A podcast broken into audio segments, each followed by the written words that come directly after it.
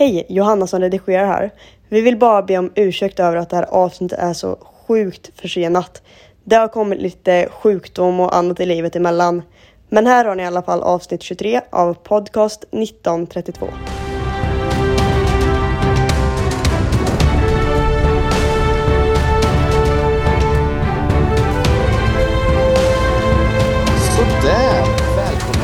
Tillbaka allihopa och jag tänkte att jag bränner av en podcast 1932 klassiker. Tjena Adam, läget? Hej Andreas, jo, det är bara bra. Själva? Eh, jo, men det, är- det är helt okej är det. Absolut. Eh, det är ju måndag kväll. Nej, det är tisdag kväll. Ja, Det är tisdag kväll till och med. Det är bara fyra dagar kvar Tiden går fort. SHL-premiären. ja. Nej, tiden går Eh, fort. Ja, men det gör det. Eh, börjar du bli laddad? Eh, ja, lite. Eh, jag har inte riktigt hunnit kolla, men upptaktsträffen för SHL var ju idag, så det har ju kommit ut lite bilder och artiklar och allt möjligt så här. Men jag har inte hunnit riktigt kollat igenom det där och fullt upp med jobb. Men eh, ja, sakta men säkert så börjar ju faktiskt blir dags. Så jag ser faktiskt fram emot att ha riktig SHL efter den senaste tidens CHL och eh, innan dess försäsongsmatcher. Ja, nej men och så, jag var, var ju på båda CHL-matcherna här hemma och eh, jag fick väl mer träningsmatchkänsla än tävlingsmatch. Eh, bortamatcherna såg jag inte, eh, för jag var i Stockholm i helgen så då missade jag båda. Men nej, hemmamatcherna det var mer så här träningsmatchkänsla. Eh, 80 procents fart. Eh, behövdes inte mer heller. Nej, hemma såg det ju så väldigt bra, framförallt första matchen mot Villars och sen andra mot Straubing, då var vi väl ganska jämnt fast vi gick och vann med 6-1. Sen hade, eh, hade väl bra chans, eller känsla inför fredagens match borta då mot Fillars, men det var ju en jämn historia, och, men vi lyckades vinna den. Och sen söndagen så blev det ju en förlust och det hade jag faktiskt på känn. Jag stötte på en kollega på vid vallokalen på söndagen och sa att då sa jag att jag måste sticka här, en halvtimme börjar match. Och frågan man trodde det skulle gå och jag sa redan då att nej, jag tror faktiskt att det kan bli förlust för Färjestads formkurva, även om det bara är försäsong och CHL så känns det som att det har blivit sett lite, lite sämre ut för varje match. Eh, kan ju vara en kombo med att man tränar ner sig, men eh, hoppas att det vänder nu när SHL börjar så. Ja, eh, och det, det känns ju som det också att, och det stod ju senast i tidningen idag, i och för sig så står det så varje år. Eh, men jag får Bättre verkligen den tränad än känslan. Allt Ja, än någonsin eller? Ja, bet- men jag får verkligen den känslan att det stämmer och det är ju tack vare vår nya ledning. Det, det är helt andra krav nu på den här gruppen. Eh, jag vet inte ni som såg CHL-matchen där när Mittell var mickad. Tycka vad man vill om det. Jag kan tycka det är trams, men man fick ju ändå höra vad han sa och ja, men det, det är en annan kravbild på, eh, på gruppen i år från ledarhåll och jag gillar det måste jag säga. Jag tycker det är bra. Det var ju framgångsrikt i slutspelet för helt klart. Ja, eh, det kan man ju lugnt säga att det var. Sen är det ju så, nu ska det ju spelas 52 omgångar. Eh, och han har ju sagt att vi ska ju träna på stenhårt här nu egentligen fram till jul. Mm. Ja, det Så, blir- Spännande att se som sagt vad Mittell kan göra under en hel säsong. Jag måste säga Ja. att bortamatcherna där, eh, det blev det blir tråkigt när laget spelar sämre och det blev förlust, men det var ju lite mer känsla i de matcherna, för då, då var det ju faktiskt en ganska bra tryck i hallen så att säga. Eller det var i alla fall lite liv och rörelse och en hemmaklack som körde på och så vidare. Så man fick ju lite bättre feeling om man säger så än hemma där vi tyvärr inte hade så jättemycket folk eller tryck som vi har på SHL-matcherna. Så det längtar jag lite efter he- hemmapremiären, fullsatt, eh, fi- lite firande av eh, det gångna guldet och sen ut och vinna med, eller jag menar förlora med, vad var det vi körde? 0, 8-0. 09, 8-0 till, 8-0. ja, då så, så 08 blir det. premiär. Ja, Får vi spika det, behöver inte prata mer om den. nej. Vi hade tänkt prata om Men- lite annat. Ja, vi har utlovat och sagt att vi ska köra igenom eh, truppen som vi gjorde förra säsongen. Den här gången är det bara du och jag eh, och vi kör igenom från målvakter till backar till forwards och säger lite vad vi tycker, tror och tänker. Eh, kanske lite om det som var, lite om det vi tror kommer under säsongen. Ja, absolut. Vi kör. Jag är redo. Jag är redo. Då börjar vi med nummer 35, Dennis Hildeby. Börja säga något. Fina, fina Dennis, eh, som alla redan säger, snacka om kometkarriär. Eh, han fick ju inte stå någonting i slutspelet, förståeligt i och för sig. Då Dominik Furch var våran guldmålvakt. Han var solklar etta. Eh, Dennis ska ju ta ytterligare kliv i år. Eh, inte alls förvånad om han faktiskt är vår första målvakt när det drar ihop sig. Det kommer ju bero lite på hur den andra målvakten presterar, men eh, det kan jag säga, jag kommer säga även när det gäller Tomkins då, men av det jag har sett under hela försäsong och CHL-matcherna, jag tycker det ser riktigt bra ut på målvaktssidan från båda. Jag tycker ingen har gjort liksom i närheten av en dålig match, utan det har varit i princip fyra av fem eh, i betyg liksom varje match. Så där känns ju väldigt mycket bättre än vad vi satt där för ett år sedan och hade Haukeland och eh, Eliasson som målvakter.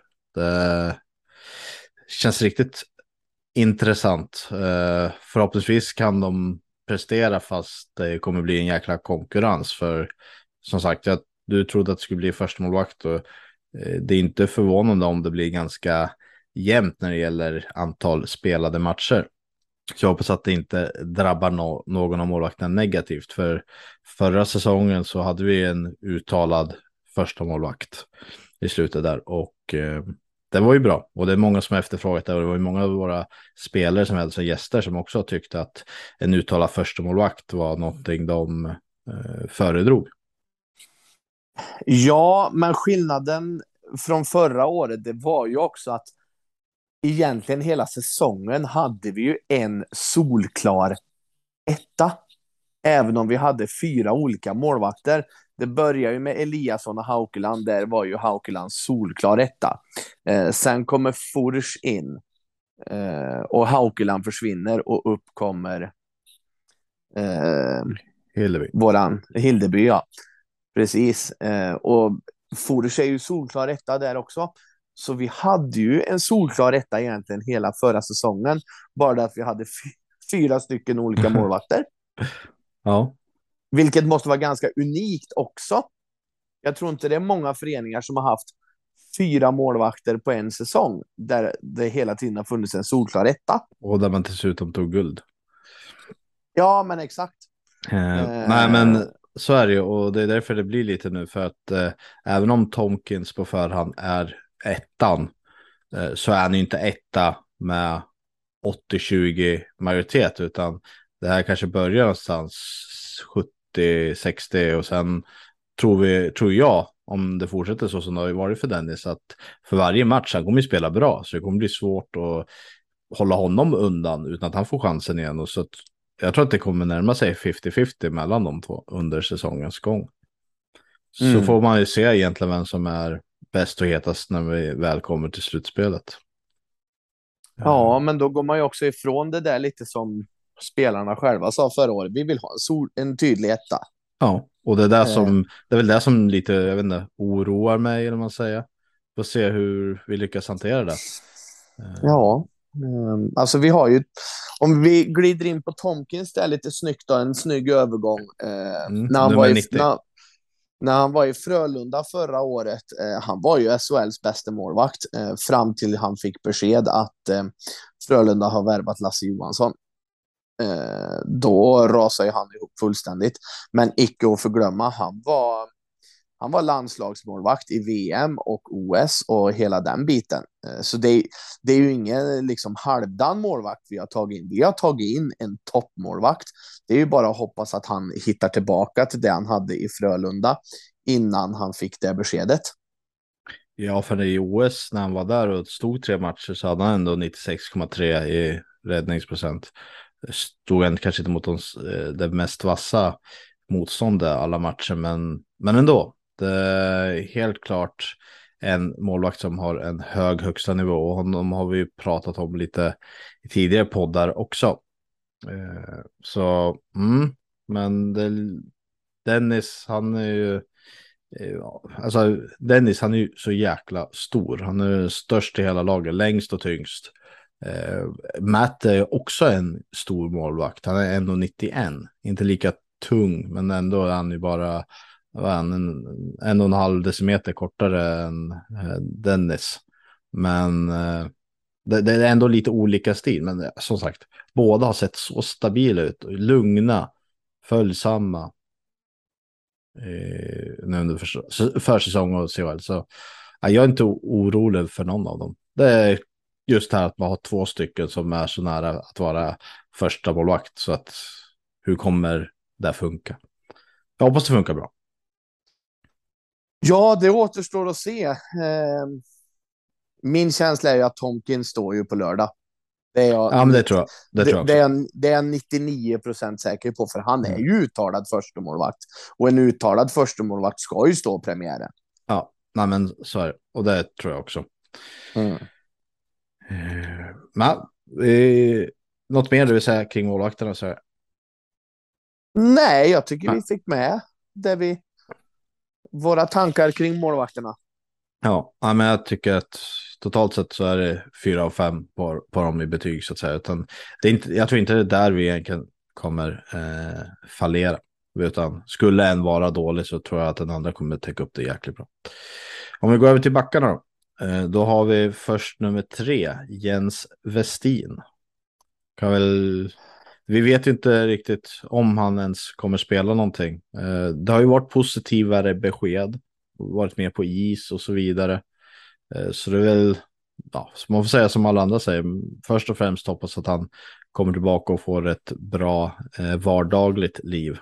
Och sekundärt då att han kan komma tillbaka till hockeyn. Men det känns lite som att det är den här, det är sista året på kontraktet så det är nu han ska lyckas komma tillbaka, annars får man väl se. Annars känns det tungt. Ja, och jag suckade lite här eh, när du nämnde hans namn för att det är ytterligare en i raden av Färjestad-spelare som drabbas av en hjärnskakning och är borta en oerhört lång period. Eh, Anton Grundel, eh, Holtet, Sanne Lindström. Eh, Tolle. Eh, Tolle, Sebbe Eriksson här nu senast. Mm. Eh, jag tror att Jens Westin gör en Sebastian Eriksson och slutar när kontraktet går ut. För skulle han riva kontraktet så finns det ju, ja, då, får han, då har han ingen inkomst. Nej, så är det. Han kommer ju vara kvar. Men frågan är om han kommer kunna komma tillbaka och spela något. Jag tror tyvärr inte det. Det baserar jag enbart på min känsla. Eh, jag önskar bara att Jens Westin får en dräglig vardag så att han en dag kan ja, men kanske jobba eh, med någonting, eh, vara med sin familj, må bra. Ja. men jag tror tyvärr inte vi ser Jens Westin i en Färjestad-tröja mer. Tyvärr. Ja. Vi, vi hoppar vidare till en annan på skadelistan, nummer sex, Mikael Wikstrand. Ja, eh, Tänk att, jag, och... tänk att jag fick rätt där. Jag sa att jag inte trodde att han skulle komma tillbaka så mycket. Han kom tillbaka och försökte, men det blev inte så mycket mer i slutspelet. Nej. Som sagt, det var ju en rejäl skada han hade där på knät och därmed fick operera sig. Och därför kommer han inte vara tillbaka förrän någon gång kring november, december. Det känns som jag har hört lite olika. Det var någonstans jag tyckte jag läste någon intervju med någon där det liksom lät som att sent oktober, alltså oktober. Så jag har väl hört från oktober, november, december, januari ungefär. Så vi får väl mm. se. Det är mm. lite osäkert än så länge. Ja, vi får väl se och eh, han blandade ju och gav oerhört mycket under, under förra säsongen. Men eh, sista matchen han blev skadad. I slutspelet steppade ja. han upp. Ja, verkligen. Eh, då är det ju då var det ju den Mikael Wikstrand vi värvade han för, en toppback. Mm. Det, det är ju bara att hoppas att... Ja, det är ju det. Eh, det är ju bara att hoppas att han hittar tillbaka dit. Det är klart att det kommer ta lång tid. Alltså om han nu kommer in i november, han kommer ju inte vara en toppback direkt. Nej, och han kommer ju behöva matchas in i matchform. Fördelen i det hela är ju att med, med Westin är vi tio backar, med Westin och Wikstrand. Mm. Eh, tar vi bort Westin då är vi nio. Utan Wikstrand är det åtta backar. Så det finns mm. ju backar. Så länge vi inte åker ut, på, ut för en jäkla massa skador så kommer ju Wikstrand kunna, han kommer ju aldrig behöva stressa sig tillbaka om man säger så. Nej, så är det.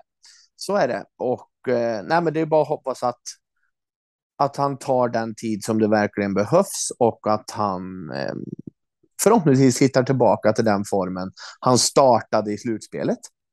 Mm, exakt. Ja, det finns ju en hög potential där i alla fall. Så hoppas att han kan komma tillbaka till ja, slutspels eh, helt enkelt. Ja. Sen har vi en eh, annan för detta poddgäst eh, som vi hade med förra avsnittet. Axel Bergqvist.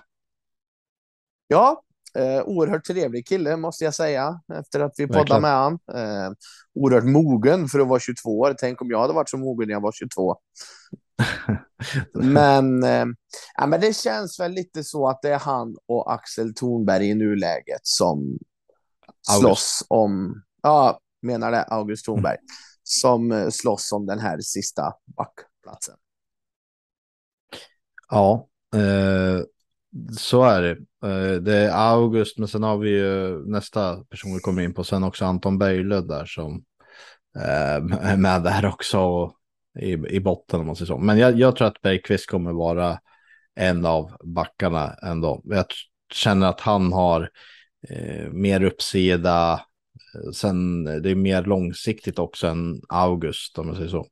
Eh, och jag tror, sen kan det säkert bero på vad man har för motstånd också, vad man vad man känner och eventuella andra spelare som är skadade. Eh, säger vi att eh, en defensivare pjäs, typ Göransson är borta, ja då kanske Tornberg tar och hoppar och steppar in där. Skulle Nyström eller Lennström vara borta, då kanske Bergqvist är den som hoppar upp istället. Så att det kan bli lite beroende på det sättet också. Ja, och om båda är med i matchen så tror jag också vad det lite står i matchen. Leder vi med 2-1, det är fem minuter kvar, då tror inte jag att Axel Bergqvist Nej. spelar jättemycket. Nej, och utan Bergqvist får hoppa in i kanske några PP ibland och sådär. Eh, och August eller BP, Boxberg. I övrigt är han ju, där jag har sett nu under försång och CHL så tycker jag väl ändå att det finns, man ser bra grejer, men uh, det finns saker att förbättra och vill att han ska synas lite mer. Kanske få igenom, för det där som var mest synbart med honom, det lilla jag såg från Hockeyallsvenskan förra säsongen, det var ju hans skott och att han fick igenom skotten på ett bra sätt. Så jag hoppas han kan få utnyttja och skjuta lite oftare om man säger så. Annars är det ju en, en av de kortaste i laget, men samtidigt en av de tyngsta. Så det är en stabil liten pjäs. Ja, men det är det ju. Och som sagt, han är ju långsiktigt tänk. Eh, ja, som vi pratar med honom om, det finns ju en plan.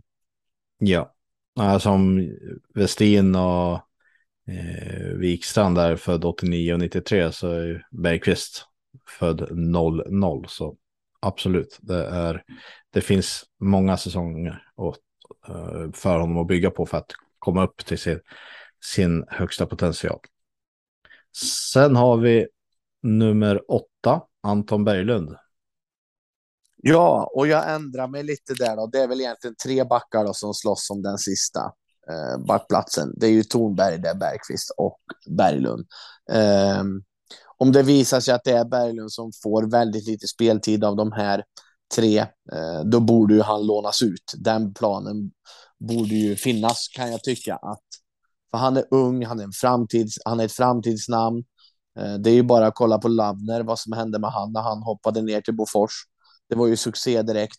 Kanske det blir samma för Berglund på en backplats i allsvenskan, att han får spela sitt spel. Mm. Ja, men jag, jag, ser, jag ser honom som sist i hierarkin helt klart. Och Eh, jag, jag skulle bli förvånad om han inte blir utlånad ganska omgående när man ser att om, om backarna håller sig hela så att säga. Mm. Jag ser inte riktigt platsen för honom i det här laget. Nej. Och, och jag har inte varit så här jätteimponerad av honom heller, det vet jag nämnt tidigare också. Så ja, då, han skulle nog må bra av själv för att få spela. Helt klart. Mer än vad han kommer få göra i Färjestad. Ja, men han är ju i den åldern också. Nu ska det hända någonting. Nu ska nästa steg tas. Och då kanske det är så att han behöver lånas ut ett år. Absolut. Det, ja, nej, men vi får se. För det är bara att jämföra honom med Joel Nyström. De har eh, de är sa samma ålder. De är båda 00. Så, eller nej, båda 02 är. Så de är 20 båda två. Och där har vi ju en ganska markant skillnad i hur pass etablerade och vilken nivå de håller. Ja, men så är det ju. Nu ska man ju absolut inte jämföra de två, för jag anser ju att Joel Nyström är ju en riktigt bra back i hela SHL. Absolut, men, det, Nyström är väl flera stepp högre, men jag bara menar att den, han, ja, för att ta en plats så behöver han ju vara mycket bättre än vad han är, Berglund, som av det vi har sett. Sen har vi fått en jäkla massa lovord från de som ser honom närmre. Eh, ja, absolut, men som sagt, en utlåning där vore nog det bästa. Yes. Nummer 23, Ville Pocka, vårt nyförvärv. Ja, eh, vinner allt han ställer upp i. Eh, kanske det är jag som drar en tokings, men eh, grabben vet vad det innebär att vinna. Eh, jag tror inte han kommer hit för att vilja åka ut i en kvartsfinal, om man säger så. Eh, jag tror att han är här för att, för att han vill vinna helt enkelt. Eh, och det, det, det, är ju en klassback vi, vi får in rakt igenom. Eh, alla nämnde att han är så duktig defensivt, bla bla bla bla bla. Men om man kollar då matcherna han har spelat, det är inga dåliga pytsar han har stängt in. Vilket jäkla skott grabben har. Ja, men verkligen. Jag var jätteimponerad de första matcherna han gjorde. Eh, sen så var han ju borta där och med lite, var känningar, småskador. Sen tycker jag inte att han kanske har synts på samma sätt offensivt. Däremot har han ju varit stabil. Och det är väl mm. det, som, precis som du säger, det är den defensiva stabiliteten som han i första mm. hand ska bidra med. Men han har mm. en offensiv uppsida. Om man kollar tillbaka så han har ju spenderat fyra säsonger i KHL innan det här och då har han ju varit en defensiv pjäs. Men innan mm. dess så gjorde han fyra säsonger i AHL och där gjorde han, ja, han snittade nästan till en halv poäng per match. Mm. Som back. Ja, nej men det, det är ju rak ersättare till Virtanen, det är inget att snacka om. Uh, alla, alltså, alla i Karlstad älskar Jesse Virtanen uh, för det han har gjort för våran förening. Alltså, det, var ju en, det är en fantastisk hockeyspelare.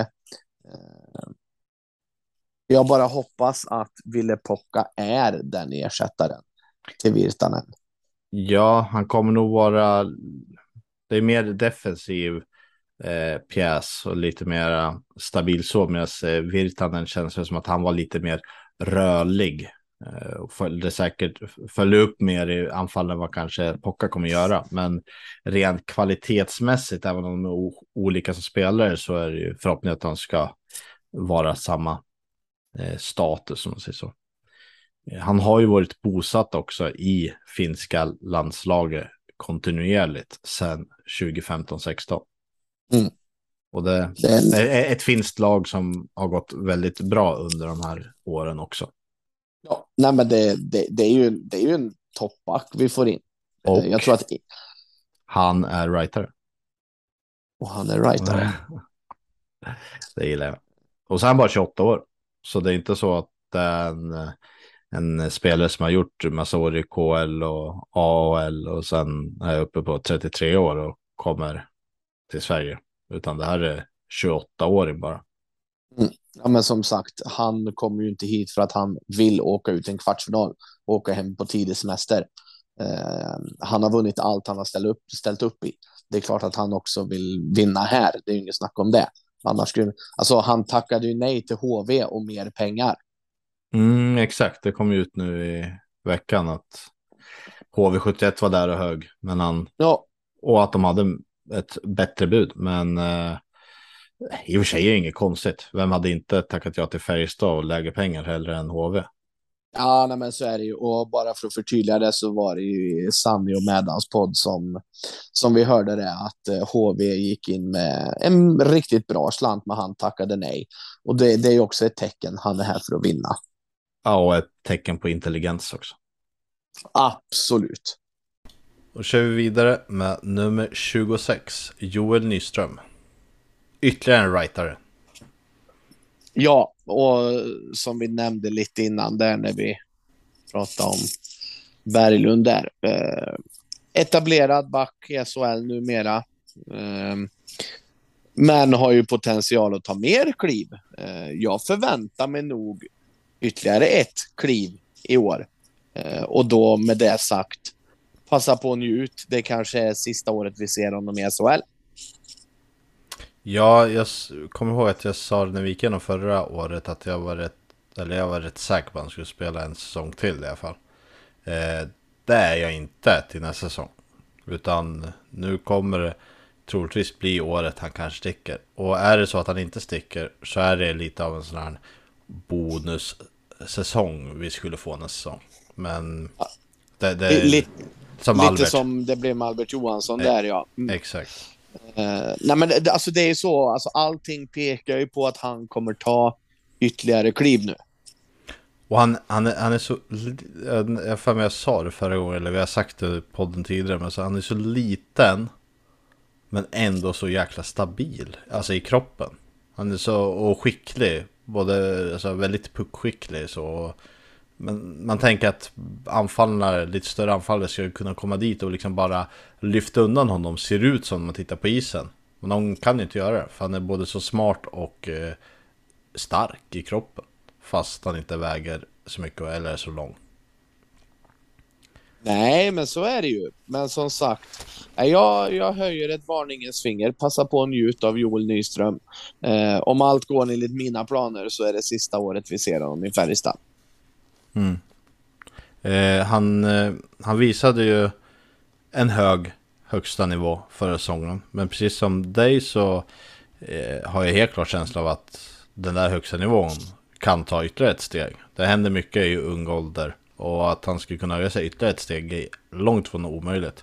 Det jag skulle vilja se till den här säsongen eh, allra mest är egentligen att lägsta nivån också blir lite högre.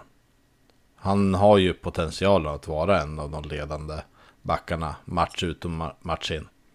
Så han ser ut att paras ihop med Lennström som han spelar med under slutspelet i alla fall inledningsvis. Så han har ju helt klart en bra partner som bygger upp möjligheter för honom att kunna prestera.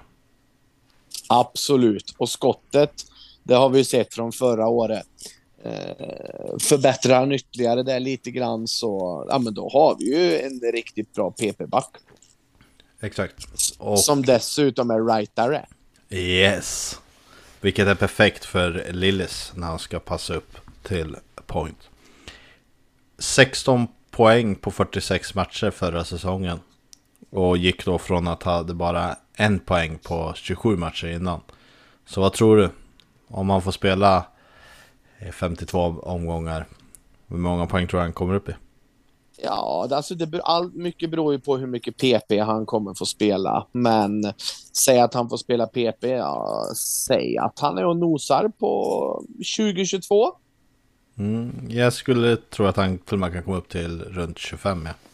Kanske till och med upp till 30 om det är så att han får spela att det blir någon skada så han kan spela mer PP än vad jag tror på förhand. Men 25 med vad, jag, vad vi ser idag 30 om man får spela mer PP än vad jag tror han kommer få. Vad är godkänt enligt dig då? Godkänt är väl typ att han ligger lite som för, alltså, ja men runt 20 någonstans förväntar jag mig ändå för honom som en lite mer offensiv spelare. Så 20 kanske. Mm. Eh, vi kör vidare. Nummer 28, Mattias Göransson.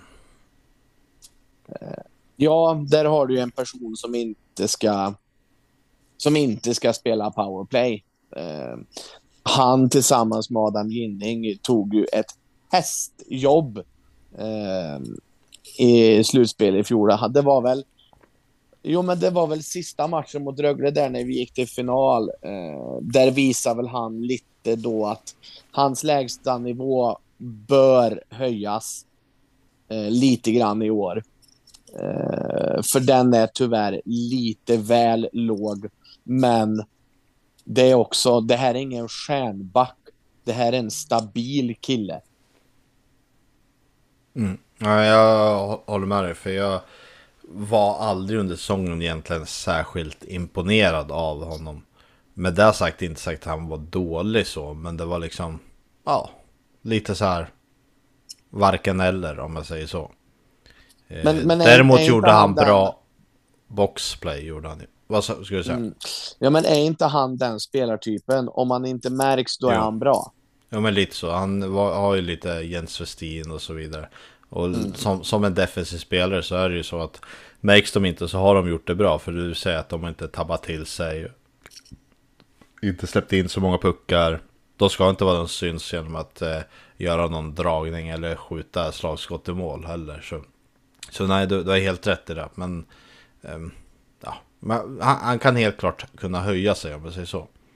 Men eh, boxplay, det är väl där hans, hans stora användning är så här på förhand. Jo, men det är det ju. Och om Axel Bergqvist inte är en spelare du slänger in när du leder med 2-1 med tre minuter kvar så kanske Mattias Göransson är en av fyra backar som du slänger in när du leder med 2-1. Verkligen. Och nu, han var en av de som faktiskt hade vunnit en hel del innan förra säsongen. Och nu har han vunnit ett SM-guld också. Mm. Lite en uh, Ville Pocka in the making kanske. Vi kör vidare till ett, uh, en annan uh, boxplay-spelare troligtvis. Nummer 52, August Thornberg. Uh, ja, om vi säger så här, jag går in med förväntning noll. Mm. På honom. Eh, varken, varken plus eller minus. Jag har sett han alldeles för lite. Han är 30 år, värvad från allsvenskan. Eh, varit stabil i allsvenskan. Nu är det ett steg till. Eh, jag är inte förvånad om han är utanför vår backtrupp när alla våra backar är tillbaka. Ja men så är det om vi räknar in Wikstrand där så är det ju faktiskt svårt att han ska Det betyder Wikstrand, Pocka, Nyström, Lennström, Bergqvist, kanske Lindroth som kommer till Alltså det är många backar han ska liksom ta sig förbi om alla är hela och friska eh, Så ja, absolut, han kommer få det svårt så sett Men han är rightare han, är, han är både bland de längsta och tyngsta spelarna också. Så det mm. utnyttjar han det och han kan vara tillräckligt bra på rören och tillräckligt agil i sitt försvarsspel så kan det bli bra. Risken finns att han kanske blir lite väl statiskt och då kan det bli eh, jobbigt. Men han är helt klart, han har ju potential att kunna vara en riktig försvarsgeneral och vara en stor, stor stygg spelare. Så ja, han är ändå intressant. Och 30-åringen som kommer så här, han är ju långt ifrån den dyraste i, i klubben. Om man räknar bort juniorerna så kan han mycket väl vara den, billigaste av dem alla. Ja, nej, men så är det ju. Alltså, han ligger ju runt en materiala lön. Liksom. Eh, jag, tro, jag tror inte han har särskilt mycket mer. Alltså, om man bara ska titta på hans resa. Uh, han går från, vad är det, bruten nacke till att spela i SHL liksom. Uh, ja, SHL-debut nu. Som 30-åring. Om, om man ska se det så, vi får ju in en kille med ett jäkla pannben. Yes. Och förhoppningsvis efter alla dessa år, även om man bara gjort fyra i Hockeyallsvenskan, men många år som hockeyspelare så kan vi hoppas att hans smarthet av att läsa spelet, även om det går mycket snabbare nu i SHL, men att han ändå liksom har den kunskapen och kan använda den på bästa sätt. Mm. Men som sagt, eh, jag går in med förväntning noll. Ja, Varken men- positivt eller negativt. Ja, Lite förvänt förväntning efter lön, det är väl där vi ska ha. Att han är typ den billigaste i laget, troligtvis. Och då kan man inte förvänta sig lika mycket heller som många andra. Vi kör vidare till en som inte är rightare, men som är ny i laget. Max Lindroth, nummer 55. Ja, eh, spännande. Eh, han har ju själv sagt jag vill ta nästa kliv. Eh, Adam Ginning lämnade ju, i och för sig yngre än vad Max Lindroth är. Han lämnar ju Linköping för att ta nästa kliv. Ehm, och det tog ju han eh, tre år och ett slutspel för att hitta sin högsta nivå. Då var ju han fantastisk. Max Lindroth är väl, är han 25? Eh, Man har ändå, jag har ändå förhoppningar på den här killen. Ru- ruggigt stark på skridskor. Ja, 20 26, men han fyller 26 nu i augusti så du får ett rätt på det ändå. Men eh, Tack. jag, jag tycker han har varit lite väl flängig och lite mycket misstag nu under försäsongen. Men han har själv sagt att det är en ganska stor skillnad på spelet i Färjestad kontra hur det var i Linköping. Så han ska väl få en liten tid av att eh, akklimatisera sig till Färjestads spelsystem också. Men det, det är ändå ett, jag har haft dålig koll på honom på förhand, men det är ändå ett namn som har fastnat innan han kom till Färjestad. Så att säga. Man har ju vetat att han ändå var en helt okej SHL-back, om man säger så. Så med tanke på vad man har hört och där man har läst efter och innan så finns ju en jäkla potential i det i alla fall. Det, han har gjort, han är liksom etablerad back. Han har möjligheten att kunna få det att verkligen lossna om stjärnorna står rätt. Jo, men det har han absolut och det är därför jag säger det också. Att jag, jag har ändå lite förväntningar på den här killen eftersom han säger själv jag vill ta nästa steg. Ja, det, det är ju upp till dig liksom. Eh, då, då ska man ju lägga ner sig eh, lite extra eh, när det kommer till allt. Eh, och göra sitt bästa varje match. Ja, ja, han känns ju som en så här, ja.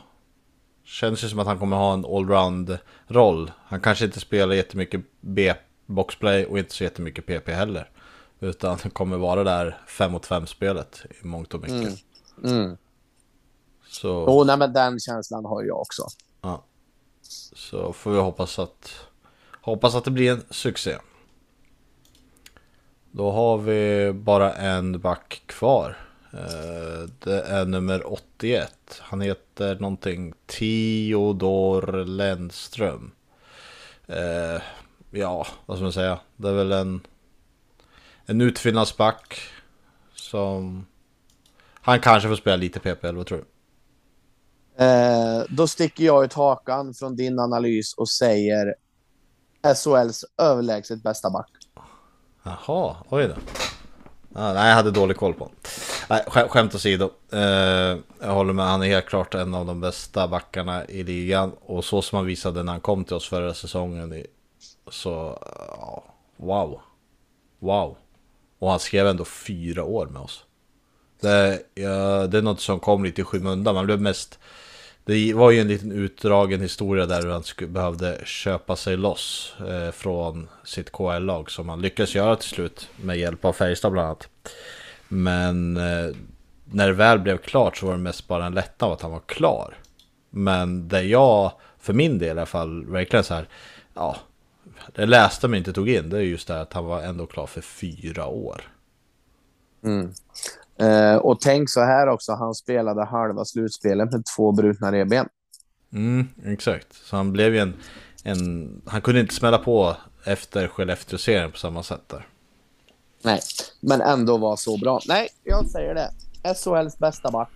Jonathan Pudas slängde i väggen. Vem är Pudas liksom? Uh, nej men det... Ja, jag tycker under försäsong och CHL tycker jag också att han har visat att han, han är där. Han är riktigt bra. Även om han såklart rent eh, eh, prestationsmässigt även kan höja sig lite till. Men det är ju bara försäsong. Men ja, tre, tre assist på fyra matcher i CHL. Dumt att klaga på någonting liksom. Utan, eh, han kommer få spela i landslaget och han kommer vara en av PP-backarna i någon av formationerna hela säsongen. Eh, det skulle sägas att han, han, har, han har ju klausuler eh, till skillnad mot när vi har tjatat om Nygård som skrev sex raka utan klausuler så har ju faktiskt Lennström eh, möjlighet att lämna för till exempel, eller ja, Schweiz är väl det som är aktuellt i dessa fall. Eh, inför varje säsong. Men eh, jag tycker ju att det var väldigt positivt när han uttalade sig i VF var det väl. Där han faktiskt säger att ändå, han har skrivit fyra år med Färjestad. För att det är ändå i Färjestad han vill vara. Sen vill man väl kanske inte stänga dörrarna. För man vet ju aldrig hur det ser ut om ett år eller två år. Eller tre år för den delen. Saker och ting händer i både lag och för honom i sitt privatliv. Eller ja, you name it. Så det är väl... Nej men, nej, men så är det ju och eh, grabb, grabben är fortfarande ung. Ja, jag också. Han är 28, det är som Ville Pocka då. Ja, och, och även Mikael Lindqvist. Det, han har ju mycket av sin karriär framför sig. Får vi behålla Theodor Lennström, givetvis det här året, det är redan klart. Men även nästa år, alltså då ska vi vara toknöjda. Mm.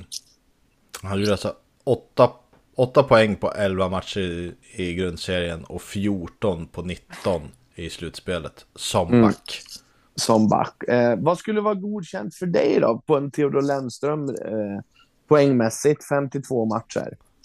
Eh, han är lite så här att eh, med tanke på hur spelet han har så kanske han inte alltid måste komma upp i de poängen heller. Eh, han har ju lite mer dimensioner. Om vi pratar lite som Jocke Nygård, är lite så också att Lennström kan ju med sina eh, genomåkning och driv med pucken vara så jäkla nyttig även om man inte får en poäng i slutändan. Eh, så eh, det är inte lika mycket poängkrav så, men förväntningsmässigt så alltså att han gör 30 poäng minst. Eh, och jag tror att han, jag tror att han kommer göra fler, men ja, 30 skulle jag säga på honom. Mm. Tror du att eh, senast en Färjestadback nosade på 30 minuter på en match, det var Sedeno Chara, lockout-säsongen. Tror du att Theodor Lennström kommer vara uppe och nosa uppemot, säg, mellan 26 och 28 minuter i vissa matcher? I vissa matcher, absolut. Om det behövs.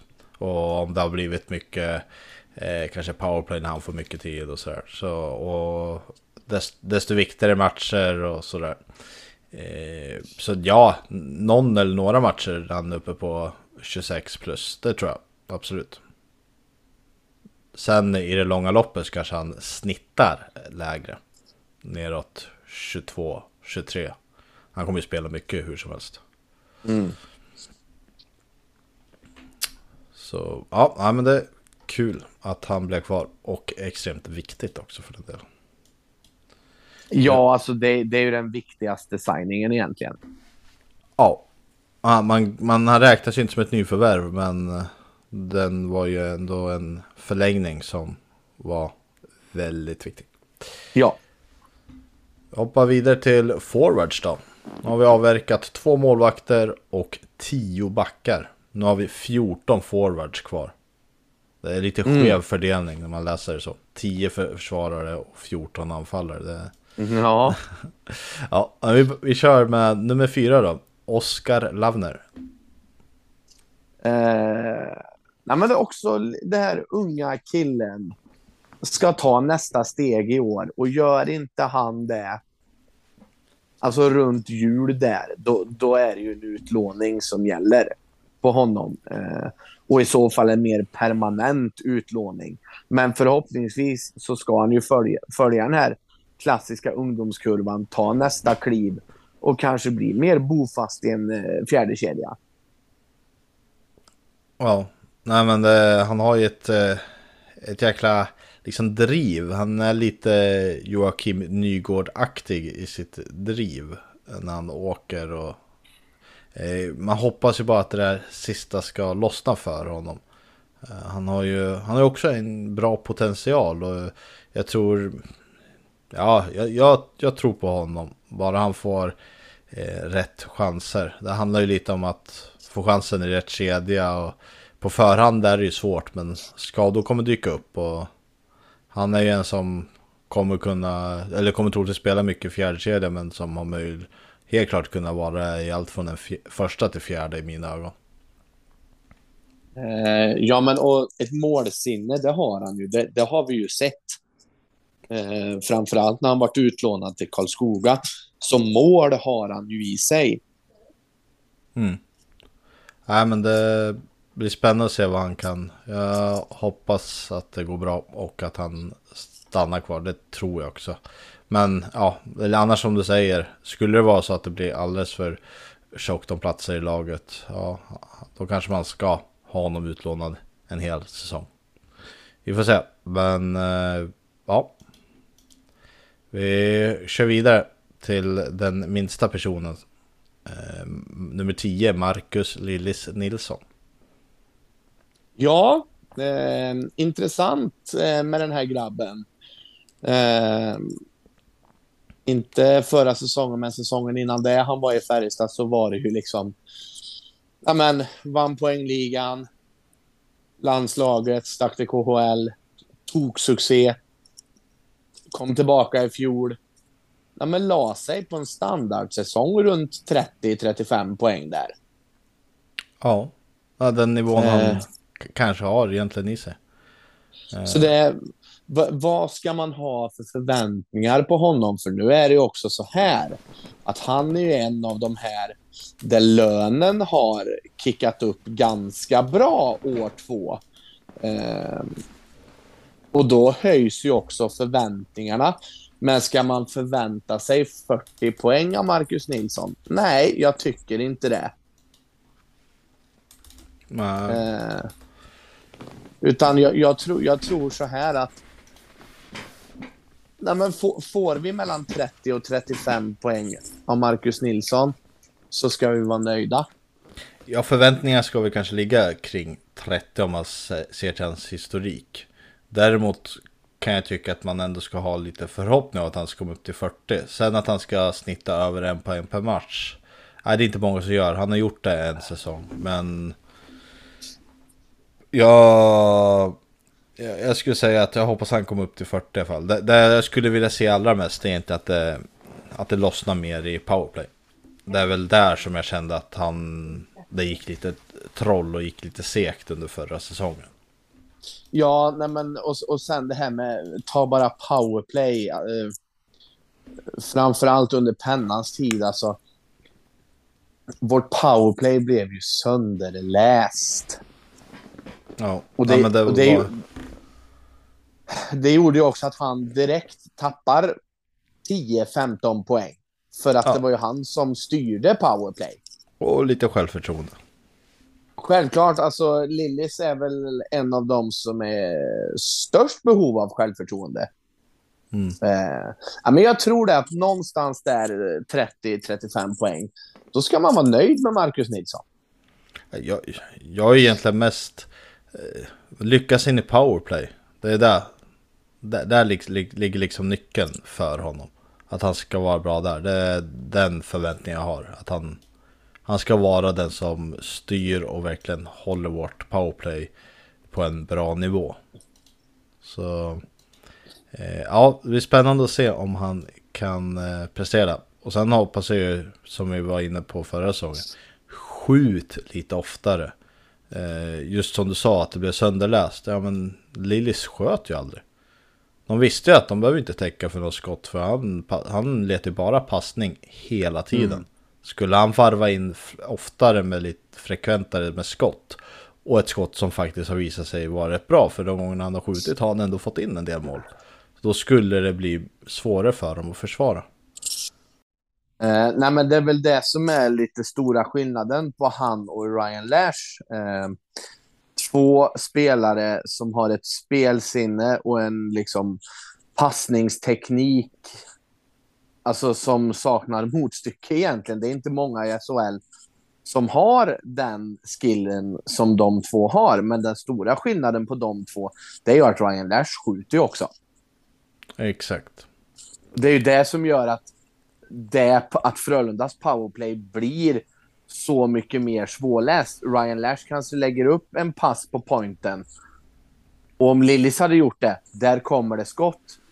Mm. Eh, men om de passar tillbaka till Ryan, Lillis hade passat tillbaka igen, men då kanske Ryan skjuter. Och det är den stora skillnaden på de två egentligen. Annars är de två ganska lika. Mm, men absolut. Och vi vet ju Ryan hur han har lagt vissa puckar snett bakom mål emot och satt dem mot oss. Det har ju hänt flera mm. gånger. Eh, men sen är det ju lite intressant att i den här årets upplaga så har vi ju faktiskt eh, Ville Pocka och eh, Joel Nyström. Joel Nyström fanns i förra säsongen, men nu har vi Nyström har ju större roll nu. Sam Pocka som är rightare som kan stå uppe på blå och skjuta eh, ur en annan vinkel på Lillis passningar. Samt att som vi tittar under försäsongen när vi har haft eh, Henrik Björklund som är rightare ståendes i, i mitten. Och sen Linkan eller Viksten på andra sidan där de alltid har stått. Det har ju gjort att det finns ju fler än att han bara försöker hitta Linkan på bortre hela tiden. Lite som det kändes i början på förra säsongen. När PP, mm. det var det enda som han försökte göra. Ungefär som när Nygga var här senast han spelade. Då gick allt PP, han skulle bara skjuta hela tiden. Fanns liksom mm. ingen variation. Nej. Nu öppnas ju alla dörrar för att ha en variation. Det finns tre stycken rightare att passa. Nygård har ju varit den spelaren annars som rör sig kring mål och snett bakom mål. Och så om då Lillis kan skjuta lite själv också. Då kan det ju bli riktigt farligt. Svårt att försvara sig mot. Så vi hoppas på det. Ja. Och på tal om Joakim Nygård, nummer 11. Eh, Joakim Nygård då? Eh, fem år kvar, njut. Eh, fantastisk hockeyspelare. Ja. Nej, det... Jag vet inte vad, vad jag ska säga som jag inte tidigare sagt. Han har ju också den här tendensen av att han faktiskt eh, bara blir bättre och bättre.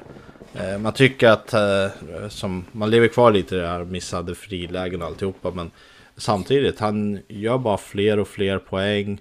Eh, och sen har han ju allt det här som jag pratade om tidigare. Han får med sig utvisningar. Han spelar boxplay, spelar powerplay. Han, han är liksom bra på allt. Ja. Eh, men som sagt, fem år kvar. Njut. Ja. 41 poäng på 52 matcher. Och så gjorde han 15 poäng på 19 slutspelsmatcher. Ja, nej, men det är ju, det är ju, det är ju toppspelare i SHL. Så är rakt igenom. Ja, och, och, och, nu nämnde jag poängen. Och om det är någon, en som, som jag nämnde tidigare, som man kanske inte behöver titta så jävla mycket på poäng så är det ju Nygård. För allt det andra han gör. Så nej, det, jag tycker ju han är den... Jag vet du, du sa att Lennström var bästa backen. Jag tycker Joakim Nygård är kanske bästa spelaren. Jag vet inte fan om det finns någon jag skulle vilja byta bort honom mot i ligan faktiskt. Ja, det är ju en favorit hos mig. Och jag har hans fina klubba stående så här bredvid mig. Ja, den står bredvid dig. Ja, alltid med mig. Ja, vart du än är. ja, det är jobbigt. I, man ska packa in ur bilen och åka till jobb bara hela tiden. Men ja, den är med. ja. ja, men det är bra. Det var en bra bröllopspresent. Väldigt bra. Eh, något mer du vill säga kring Jocke? Nej, alltså. Vad, vad finns det att säga? Det är alltså. Det är toppspelare i SHL. som sagt. Det är ja. bra på allt. Det, ja. ja. ja. Han är bäst. Vi kör vidare. Ja. Daniel Wiksten, nummer 13. Eh, ja, vad ska man ha för förväntningar på Daniel Wiksten i år? Eh, jag, jag, får lite så här paralleller med Lillis, men samtidigt så här. Fan, han, han gjorde 39 poäng på 51 matcher, 18 mål. Men på något sätt så känns det som att han gick ner sig så jäkla mycket mer. Men ändå var det hans näst bästa säsong poängmässigt i SHL. Nej, det var bara för att han gick från 48 poäng säsongen innan. Som var också mm. en sån här, precis som Lillis, en sån här dunder-hit en säsong. Så, ja, då gjorde han ju också 26 mål och delade skytteliga-segern. Uh, det året. Så det, ja, men egentligen då, alltså ska man hårdra det här så får man nog... Eh, min kamrat Karl Enqvist eh, brukar säga om Daniel Wiksten, världens bästa hockeyspelare. Men det är Jocke Nygård som är. Ja, eh, inte om du frågar Karl Enqvist, men... Eh, ja, men alltså, vad ska man ha för förväntningar? 25-30 poäng där också. Absolut. Eh, var inte jättestark i slutspelet. Nej, där hade han alltså. Han, han var svag, bra mycket svagare faktiskt under slutspelet. Eh, ja, men det var han och då ställer man sig frågan.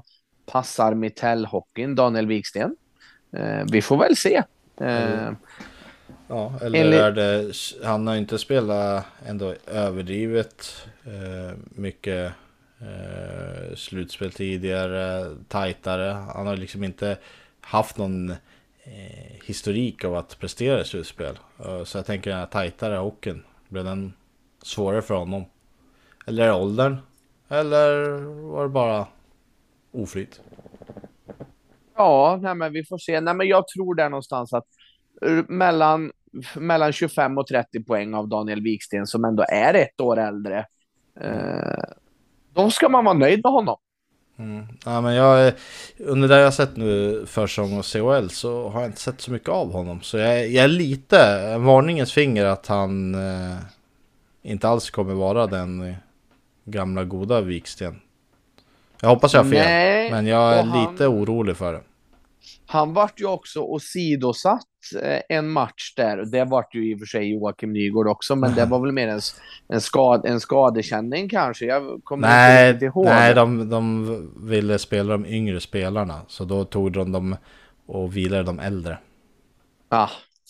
Det var därför. Eh, men ja, nej. Som sagt, 25-30 poäng, då får man vara nöjd. Ja, vi får se hur det går för honom. Men jag som sagt tror att det kan vara ett steg ner tyvärr till kommande säsong. Mm, eh, hoppas, hoppas vi har fel. Japp.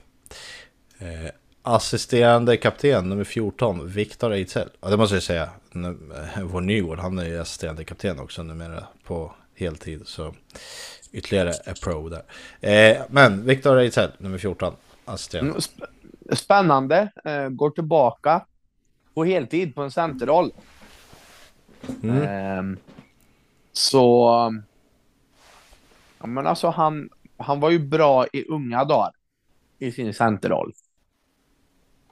Och han gjorde det ju väldigt bra i fjol när han spelade sporadiskt också. Så det ska mm. bli väldigt spännande att se honom på heltid som center.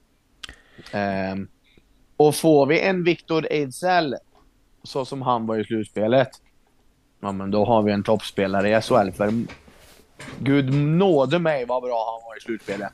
Mm, verkligen. Det är 14 poäng på 19 matcher. Det är riktigt starka kort.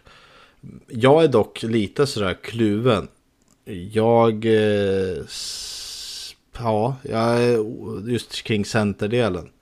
Jag skulle ju helst vilja haft in en annan center och få honom fortsätta spela vinge. Eh, Eh, vi får se hur... Eh, många pratar, har ju alltid och fortsätter prata gott om honom som center. Men jag är inte helt säker på det. Så, utan, men vi får se. Eh, jag är skeptisk. Men samtidigt mm. så kan jag hålla med om att han ändå borde passa som det. Uh, stor, lite Johan Ryno så i storlek och sådär. Men ja, det blir spännande att se.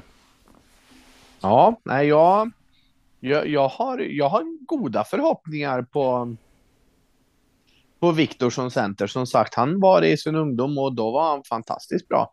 Mm. Um, sen han har ju bara blivit äldre och klokare. Så är det. Så är det. Uh, så, får... ja. Vi kör vidare till eh, en riktig center. Remy Ellie, nummer 18. Eh, ja, av det Du har inte jag hunnit har... sett så mycket va? av honom då? Nej, men det jag har läst, det är ju att han vill tillbaka till NHL, därav ett års kontrakt. Och då får jag känslan, ja, men om, om du ska tillbaka till NHL, då ska du ju vara en toppspelare i ligan.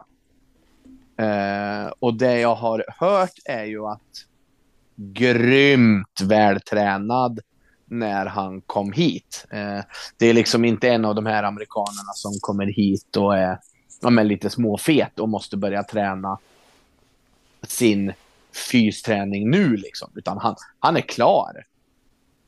Det låter Eh, positivt. Ja, och sen eh, alltså det klippet man såg där när han åker med pucken i en hand, och det är ju ändå lite Gustav Rydahl-vibbar. Nu är Gustav Rydahl enligt mig bäst i världen och kommer bli större än Wayne Gretzky i New York Rangers, men eh, så man ska väl inte jämföra så, men ja. Jag är försiktigt positiv. Eh, amerikaner och Färjestad har väl inte världens bästa historia, men det kanske är dags att ändra på det nu då. Mm, Nej, jag såg... Eh, eh, jag la ju upp det där klippet på när han drev in med eh, klubban i en hand. Och det var ju så mycket Gustav Rydahl. Och han är ju lite av samma spelstil. Eh, spel, spelartyp som Gustav Rydahl. Och jag stor, ganska tung. Eh, men ändå liksom har en viss skicklighet. Så eh, jag tycker det känns väldigt bra med honom och hoppas att det fortsätter så som han visar de här två första matcherna. Han var ju riktigt bra då i andra matchen. Tyvärr så åkte han, fick han ju matchstraff för eh, fighting. Eh, vilket jag förstår honom för han fick en... Eh, han höll sig kall, fick en smäll i ansiktet. Ja, och då kunde han inte hålla utan slogs tillbaka. Och då fick han ju utvisning. Till SHL så hoppas jag att han har lärt sig och att han kan... Håller han bara igen där, då har vi förhoppningsvis ett powerplay i de lägena. Eh, och vi tappade mycket i den matchen när han försvann. Jätteviktigt då. Mm. Ja, nej, men som sagt, jag, jag är... För en gångs skull när det kommer en amerikan till Färjestad BK så är jag försiktigt positiv. Ja, och jag tänkte på det att han är ju också eh, väldigt tung. Alltså han är nä- närmare 100 kilo, men är ändå inte överdrivet lång, 1,85. Tänkte på det här du sa om vältränad. De, de säger ju att muskler väger mer än fett. Så eh, det är ju väldigt lovande, helt klart.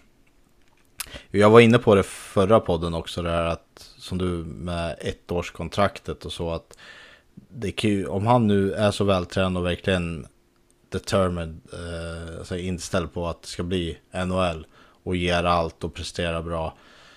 Så kommer vi ju önska att han stannade, men samtidigt har vi några ute i världen som eventuellt har möjlighet att kunna komma tillbaka till Färjestad till nästa säsong. Så nej, det känns positivt, helt klart.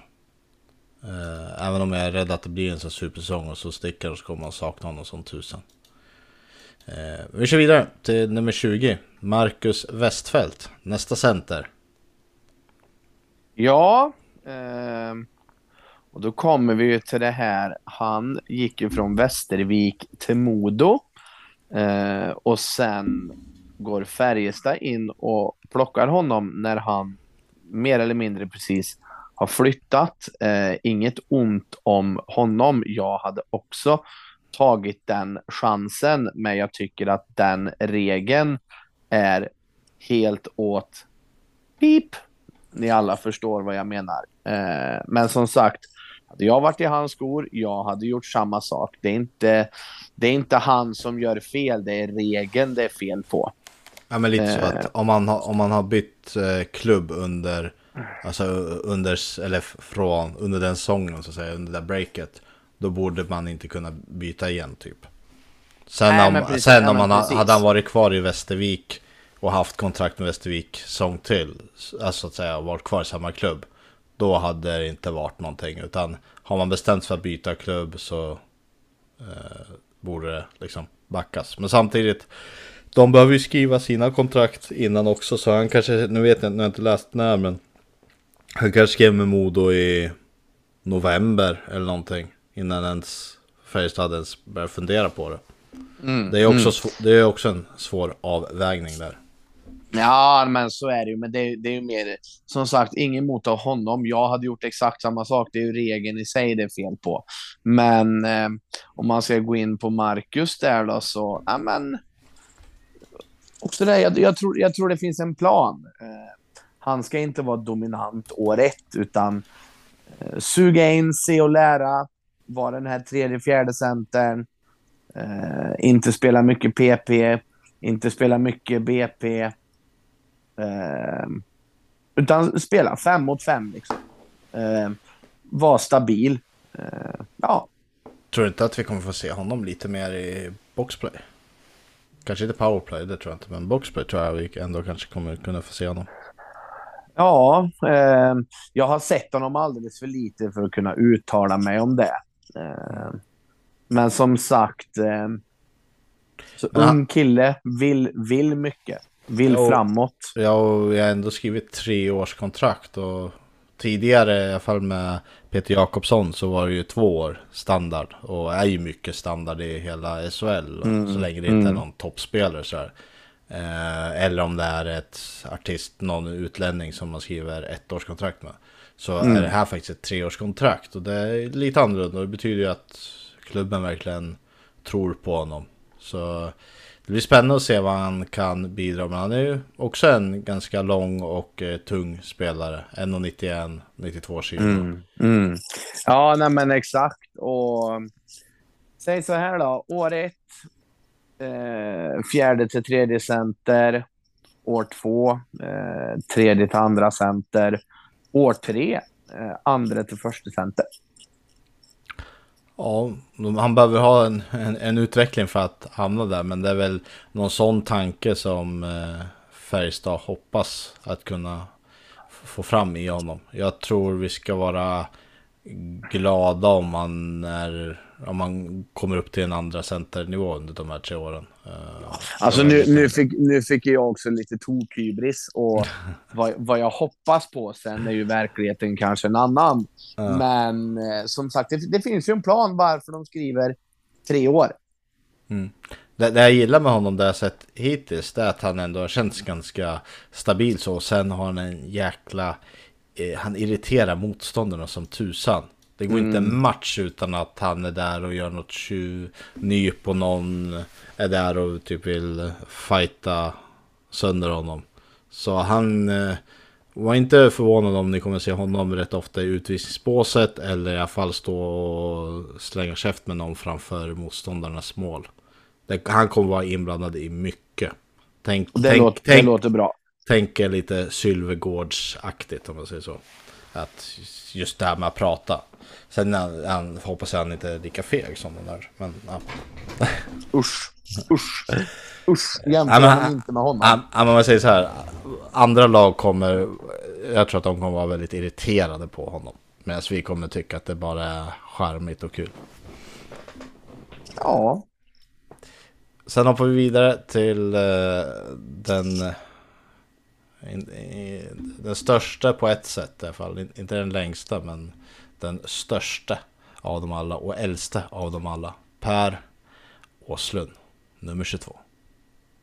Gud. Punkt. Ja, det inte. Ständigt, så jag sagt det, ständigt underskattad. Jag underskattar honom säsong till säsong. Jag tänker att nu, nu är han på väg ner. Lite som jag sa nu med Viksten här, 33 år. Jag tycker att jag ser tendenser att han ska gå, bli sämre nu. Så har jag tänkt kanske om Åsa sen, ja, någonstans kring hans eh, hjärnskakning där strax innan eller sådär. Har jag hela tiden tänkt att, ah, nu kanske han ska han, han kan funka bra i tredje, fjärde kedja liksom. Eh, och vara bra där. Inte att, jag har aldrig tyckt att han varit dålig så, men han fortsätter ju överraska och liksom blir ju bara bättre och bättre.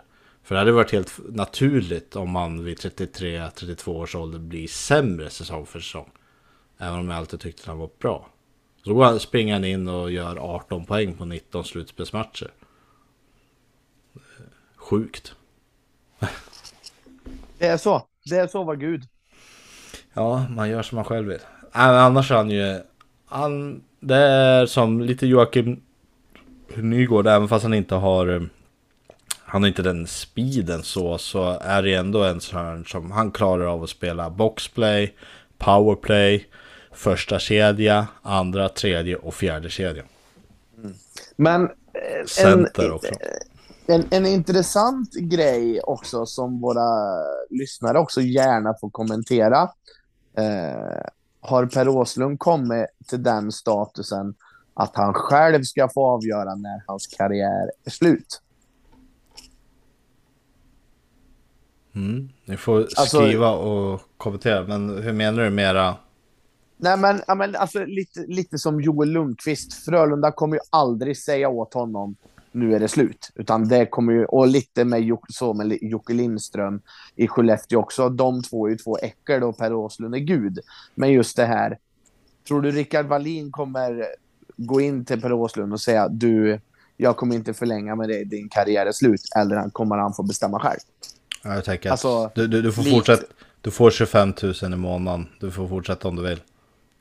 Ja, typ. men alltså, eller typ så här, nu, nu är du 39 år, nu kommer ditt nästa kontrakt är på ett år och det är en materialalön.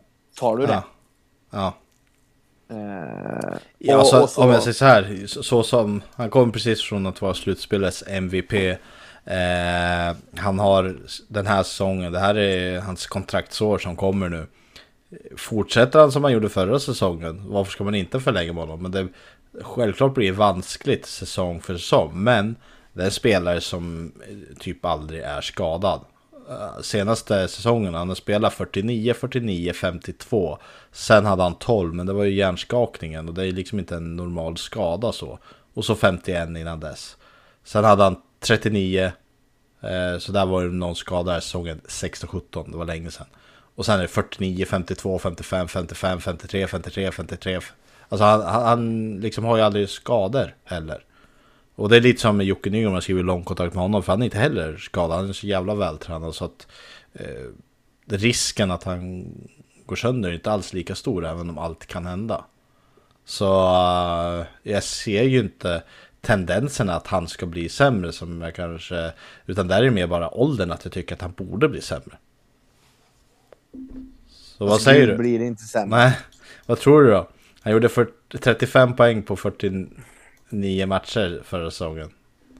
Eh, men det är alltså han, han Tror du mer eller alltid... fler eller färre? Alltså han har ju alltid, alltid legat kring 30-35. Ja. Eh, så, nej men. Någonstans mellan 28 eh, och 32. Mm, så du tror färre poäng i alla fall kommande säsong än för... Ja, men en, mer eller mindre en standard Per Åslund-säsong. Liksom. Han, är, han är kung, han är, han är gud. Mm. Det, tröjan ska upp i taket den dagen Absolut. Gud förbjude han lägger av med hockeyn. Det finns två spelare som jag ser. Åsa och Nygård. Om Nygård stannar alla sex år och kanske förlänger ytterligare, absolut. Ja, om man fortsätter, där han är fortfarande tillräckligt ung, men ser ingen tendens till att han ska bli sämre, så fortsätter han bara göra som han gör nu. Har ju han fått vara med och vinna guld också, så förhoppningsvis kan de hämta hem något mer. Så, ja. Men eh, vi hoppar vidare från Åsa och hoppar in på en som eh, är precis i början av karriären. Eh, och det är nummer 29, Lukas Forsell. Mm. Eh, det här är lite intressant. Jag tänkte på det förut. Eh, när vi poddade förra året så pratade vi om Berglund och Forsell. Och jag sa att nej, men behåll Berglund. Jag tror mer på honom. Och du sa du är mer eller mindre idiotförklara mig. Jag sa nej, men det ser, det ser du väl att det är Forsell. Och eh, nej, jag viker mig platt där. Du får rätt.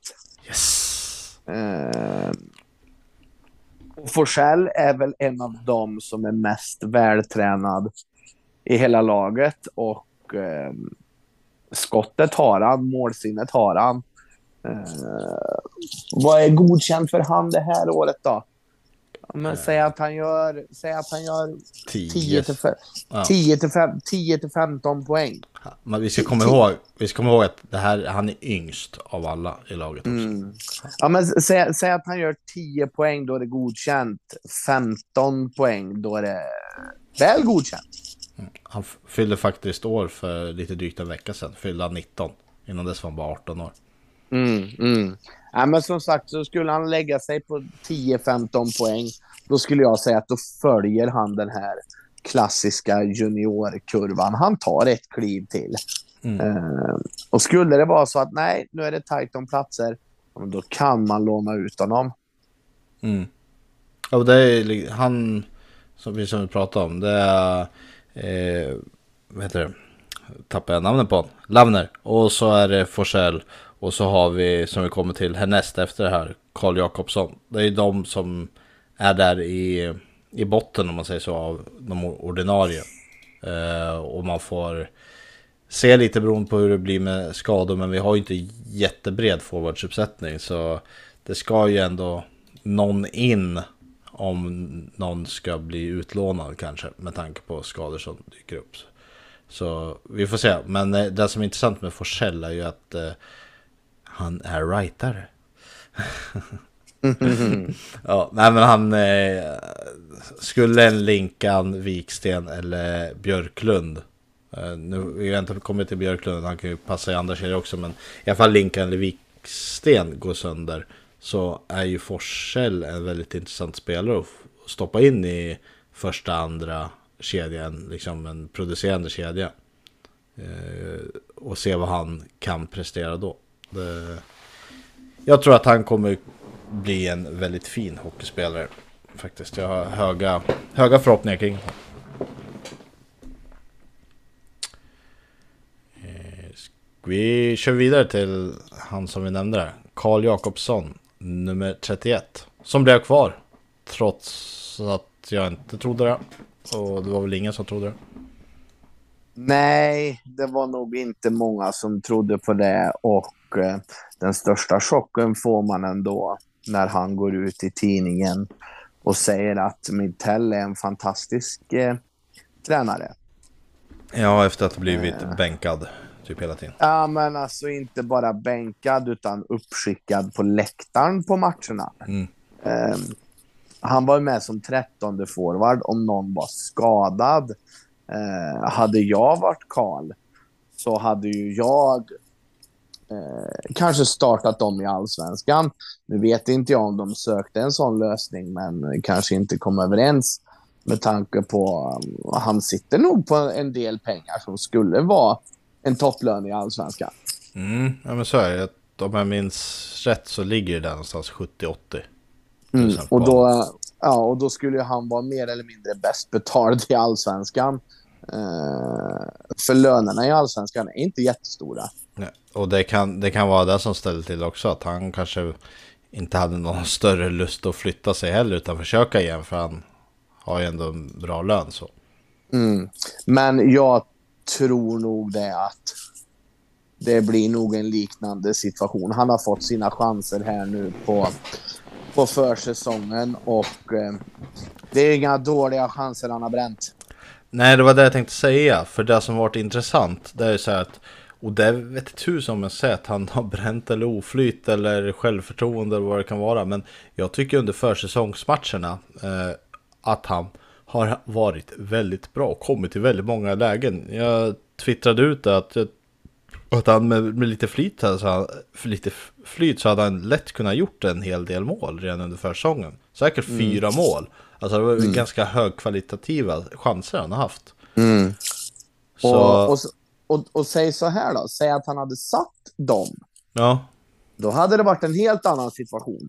Nu känns det som att det är lite status quo. Alltså, Ja, för han var inte nu helgens CHL-matcher, båda bortamatcherna, eh, så var det inte mycket väsen av- från honom. Så, eh, ja, han få- får väl nu, får vi se hur, vilken kedja han hamnar i eller om han hamnar utanför. Men tio första matcherna får vi väl se lite hur, hur det går för honom. Men vi ska komma ihåg att han ändå gjorde 18 poäng på 43 matcher för förra säsongen. Så, och fyra på sex slutspelsmatcher. Så det finns ju en potential där som bara behöver eh, komma ut liksom. Fast han spelar inte i slutspelet. Nej men för förra säsongen. Ja, för förra. Ja, ja. Mm. Så förra säsongen gjorde han bara fyra poäng på 38 matcher. Och var uppskriven på fem matcher men ingen poäng i slutspelet. Mm. Mm. Nej men och sen är det så här, grabben är ung. Vad är han? Ja. han är född 0. Han är 00. född 00 va? Han är 22. Han är, 20, mm. han är 22 år, blir 23. Uh, han kanske har stannat lite i sin utveckling. Uh, jag tror nog att han kommer bli utlånad till ett topplag i, i allsvenskan. Alternativt kanske typ att Malmö plockar honom. Ja, nej, ja exakt. Jag tror inte, han kommer ju inte kanske vara en toppspelare i SHL. Men jag ser ju absolut att han har potentialen om man bara tar ett steg till att vara en som spelar i SHL resten av sin, sina, sin karriär i alla fall. Han har ju det där att han skulle kunna göra det, men ja, det är någonting om det är mentalt eller vad det är, men ja, vi får hoppas att han i första matcherna i SHL ändå får dit något eller några mål så då kan det bli en jävla, en jäkla ketchup-effekt på honom tror jag. Ja. Sen har vi en eh, spelare, nummer 34, Micke Linkan Linkvist. Om grabben får vara skadefri så har vi en spelare som snuddar på 40 poäng. Mm, ja, han är lite ja, jäkla svårbedömd han har varit egentligen. Han, han snittade liksom första tre säsongerna, dock inte fulla säsonger, men en poäng per match. Helt mm. jäkla magiskt som han var. Eh, både slutspel och seriematcher. Och sen då för förra säsongen så stagnerade det lite. Eh, dock bra slutspel. Men sen förra säsongen då fortsatte den här att han snarare gör en halv poäng per match. Eller lite drygt en halv poäng per match. Och sen under slutspelet också lite, typ en halv poäng per match. Så mm. frågan är, han har ändå gjort många säsonger med en poäng per match. Vad är det? Det är svårt att sätta finger på det, men vad är det som har gjort att han liksom inte håller den produktionen uppe? Jag tror det är ganska enkelt. Eh, det är inga småskador han har dragit på sig eh, genom åren. Eh, det är klart att du får sviter av de skadorna han har ådragit sig. Eh, men jag tror det. Får, får han bara vara hel en säsong så har vi en spelare som kan göra 35-40 poäng. För det positiva i det här är ju att han faktiskt nu, visst CHL och motståndare vi har haft eh, som det är och vi vann en match med 7-0 och en med 6-1. Men han har ändå gjort fem poäng på fyra matcher. Två mål, tre assist. Så mm. han har ju börjat i CHL på ett bra sätt i alla fall. Så ja. Det, vi hoppas. Uh, jag håller ändå honom högre än vad jag gör Viksten. Uh, de som är lite samma spelartyp. Och Linkan är ju rightare. Mm. Uh, så nej, men jag, jag, jag, tror faktiskt att han kommer göra en bättre säsong. Och det här tror jag faktiskt kommer vara en nästintill. Om man inte gör 52 matcher så nästintill 52. Han kan inte råka ut för en jävla skitskada igen. Det går bara inte. Med tanke på att det, inte, att det har varit sådana här oturskador med skott på foten, skott på handen eller vad tusan det var. Det var väl båda de. Mm, ja, och så var det väl något korsband och det, det, det, det, det är oturskador, ja. men det är tunga skador. Ja, alltså vi... Jag tror på en, eh, en bättre säsong. Så vad ska vi säga? Kanske, ja men jag tror... Jag tror nästan han skulle kunna komma upp där mot eh, nästan 40 poäng den här säsongen. Säga. Mm. Eh, sen har vi en annan som jag tror kommer kunna göra ganska mycket mer poäng än vad många förväntar sig. Och det är en rightare. Eh, nummer 41, Henrik Björka Björklund. Eh, jag säger att vi får se 20 mål från Henrik Björklund i år. Ja. Nej, det är, jag säger inte emot. Men han är också en som har öppnat extremt bra. Eh, tycker jag. Eh, nog för att han hade bra facit, track record i Hockeyallsvenskan. Och allt. Men alltså, jag är ändå positivt överraskad. Eh, och det här är en spelare som vi pratar, alltså man pratar om att han har varit i Allsvenskan mycket. Han är äldre och kommer till SHL tillbaka nu.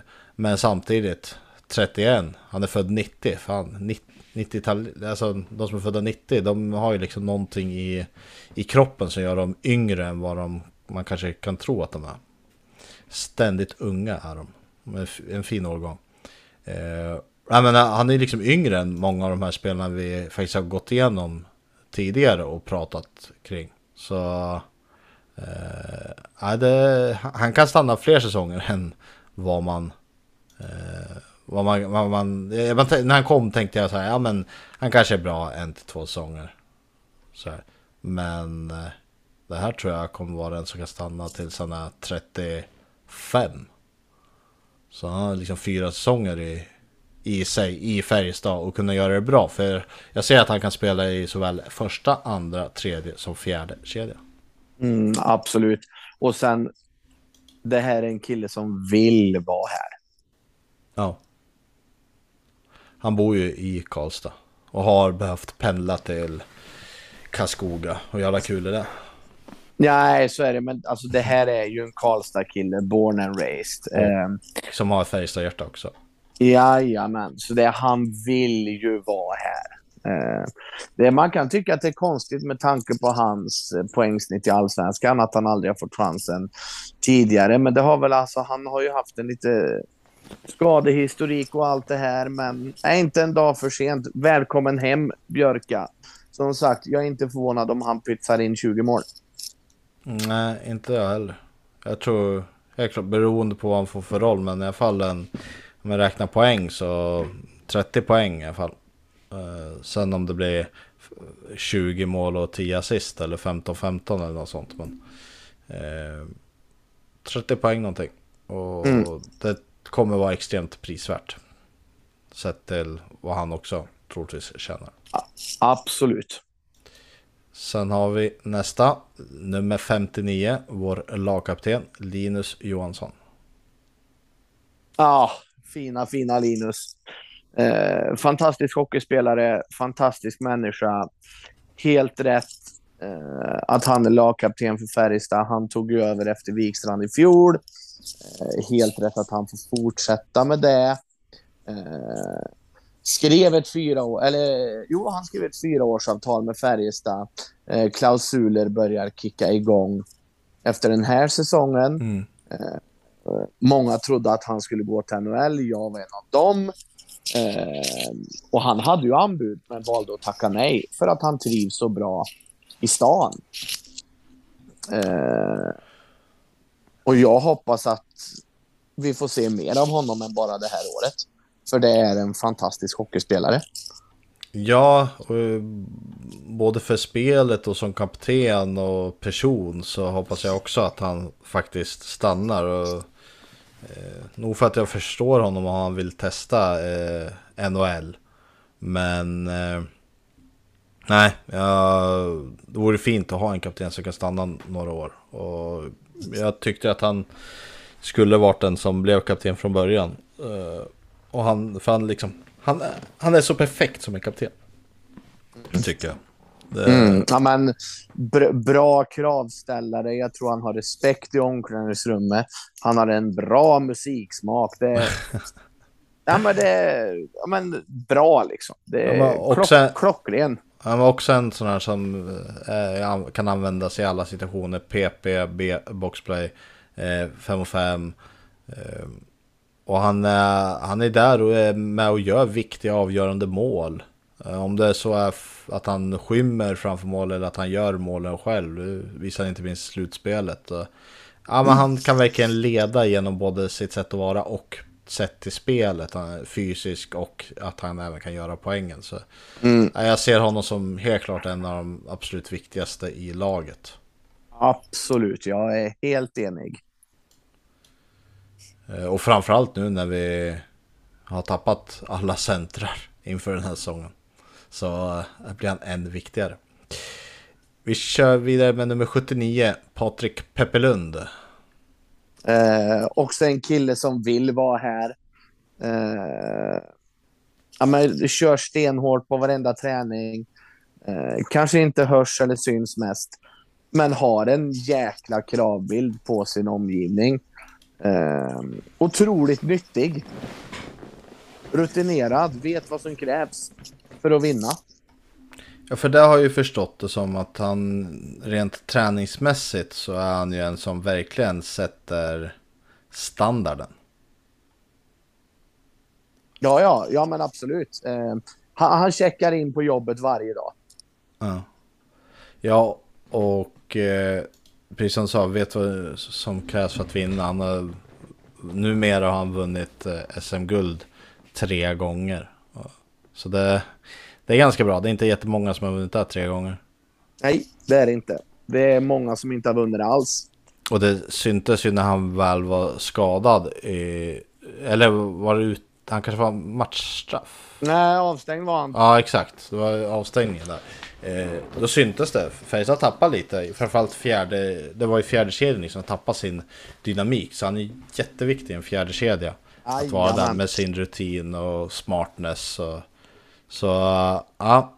Nu stegrar ju hans lön lite mot vad för honom också. Han kom ju lite billigare förra säsongen för att kunna få plats i budgeten. Så han har ju lite högre i år. Men eh, han är nog... Vi kommer nog få valuta för pengarna. Ändå. Ja, det tror jag. Och han, som jag förstår det så vill ju inte Färjestad spela honom som center som han fick gå en hel del förra säsongen utan som vinge. Så mm. får vi se. Uh, förhoppningsvis så passar det honom ännu bättre än tidigare. Så, ja, inga, inga direkta poäng... Eh, krav eller poängförväntningar på honom heller. Utan han ska vara där och vara stabil helt enkelt. Mm, mm, absolut, jag håller helt med. Bra. Du, du vet att vi har, nu har vi kört igenom alla.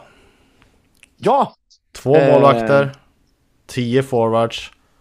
Eller 10 backar, 14 forwards. Vi har alltså ett lag som är i snitt typ ett år äldre om vi tar snittåldern. De, vikten är i snitt ett kilo eh, tyngre än förra säsongen. Eh, får vi se vad som händer. Och som jag har förstått det så är det faktiskt så att eh, laget, de tittar faktiskt efter, efter förstärkningar. På forwardsidan. Mm. Sen hur hur pass aktivt det är är väl en annan fråga. Men eh, eh det finns en viss... Eh, eh viss, eh, vad säger man, öra mot rälsen i alla fall. Eh, så de jagar någon forward. Och att de har faktiskt tackat nej till en spelare. Så... Oh. Förhoppningsvis så, jag har ju hela tiden hoppats på att det ska komma in en, en center till jag nämnde lite kring Ejdsell där, så vi får väl se vad som händer. Men eh, jag tror ju att om man nu letar så jag tror inte man är jätteaktiva.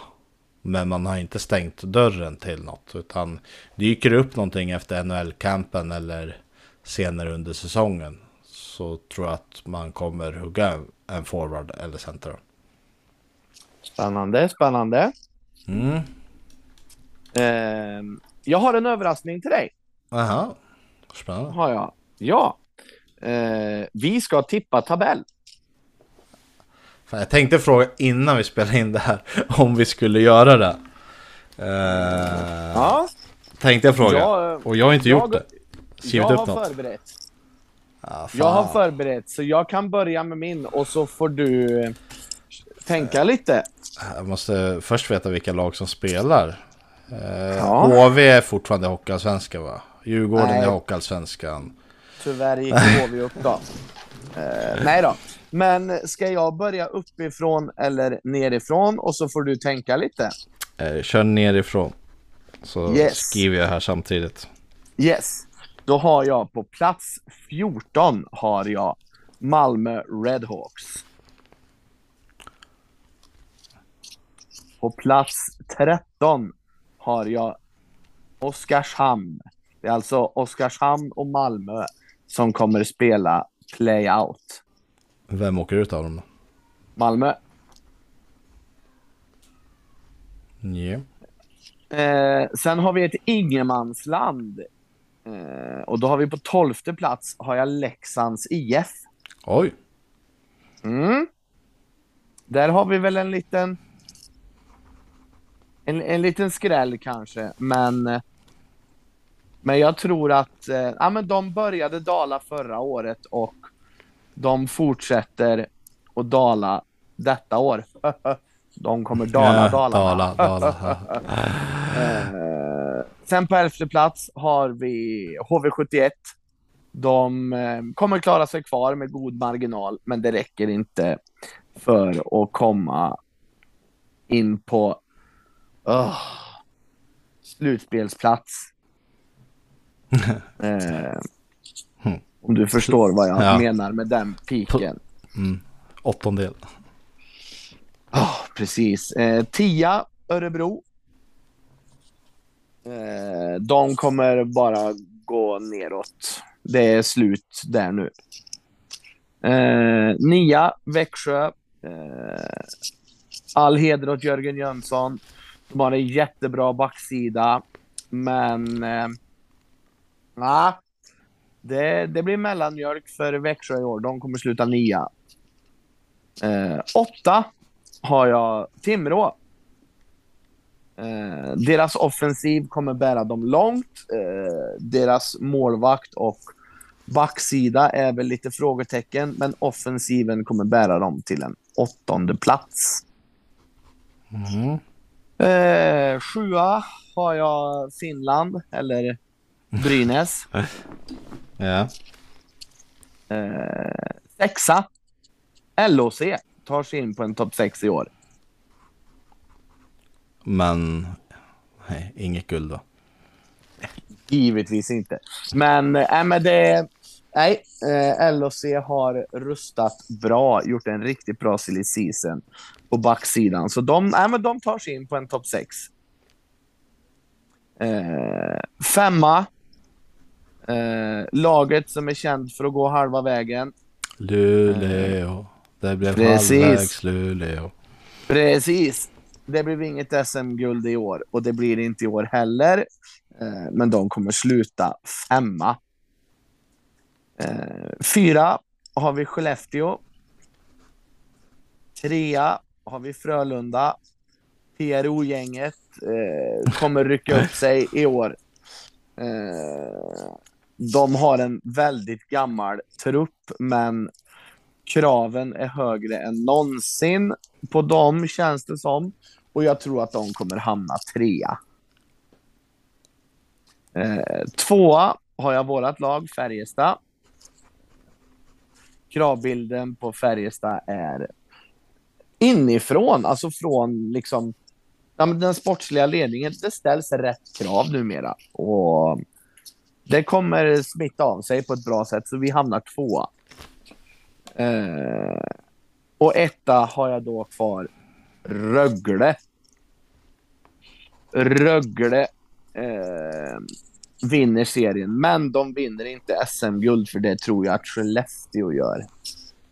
Mhm. Hoppas de inte vinner SM-guld, det kan jag säga.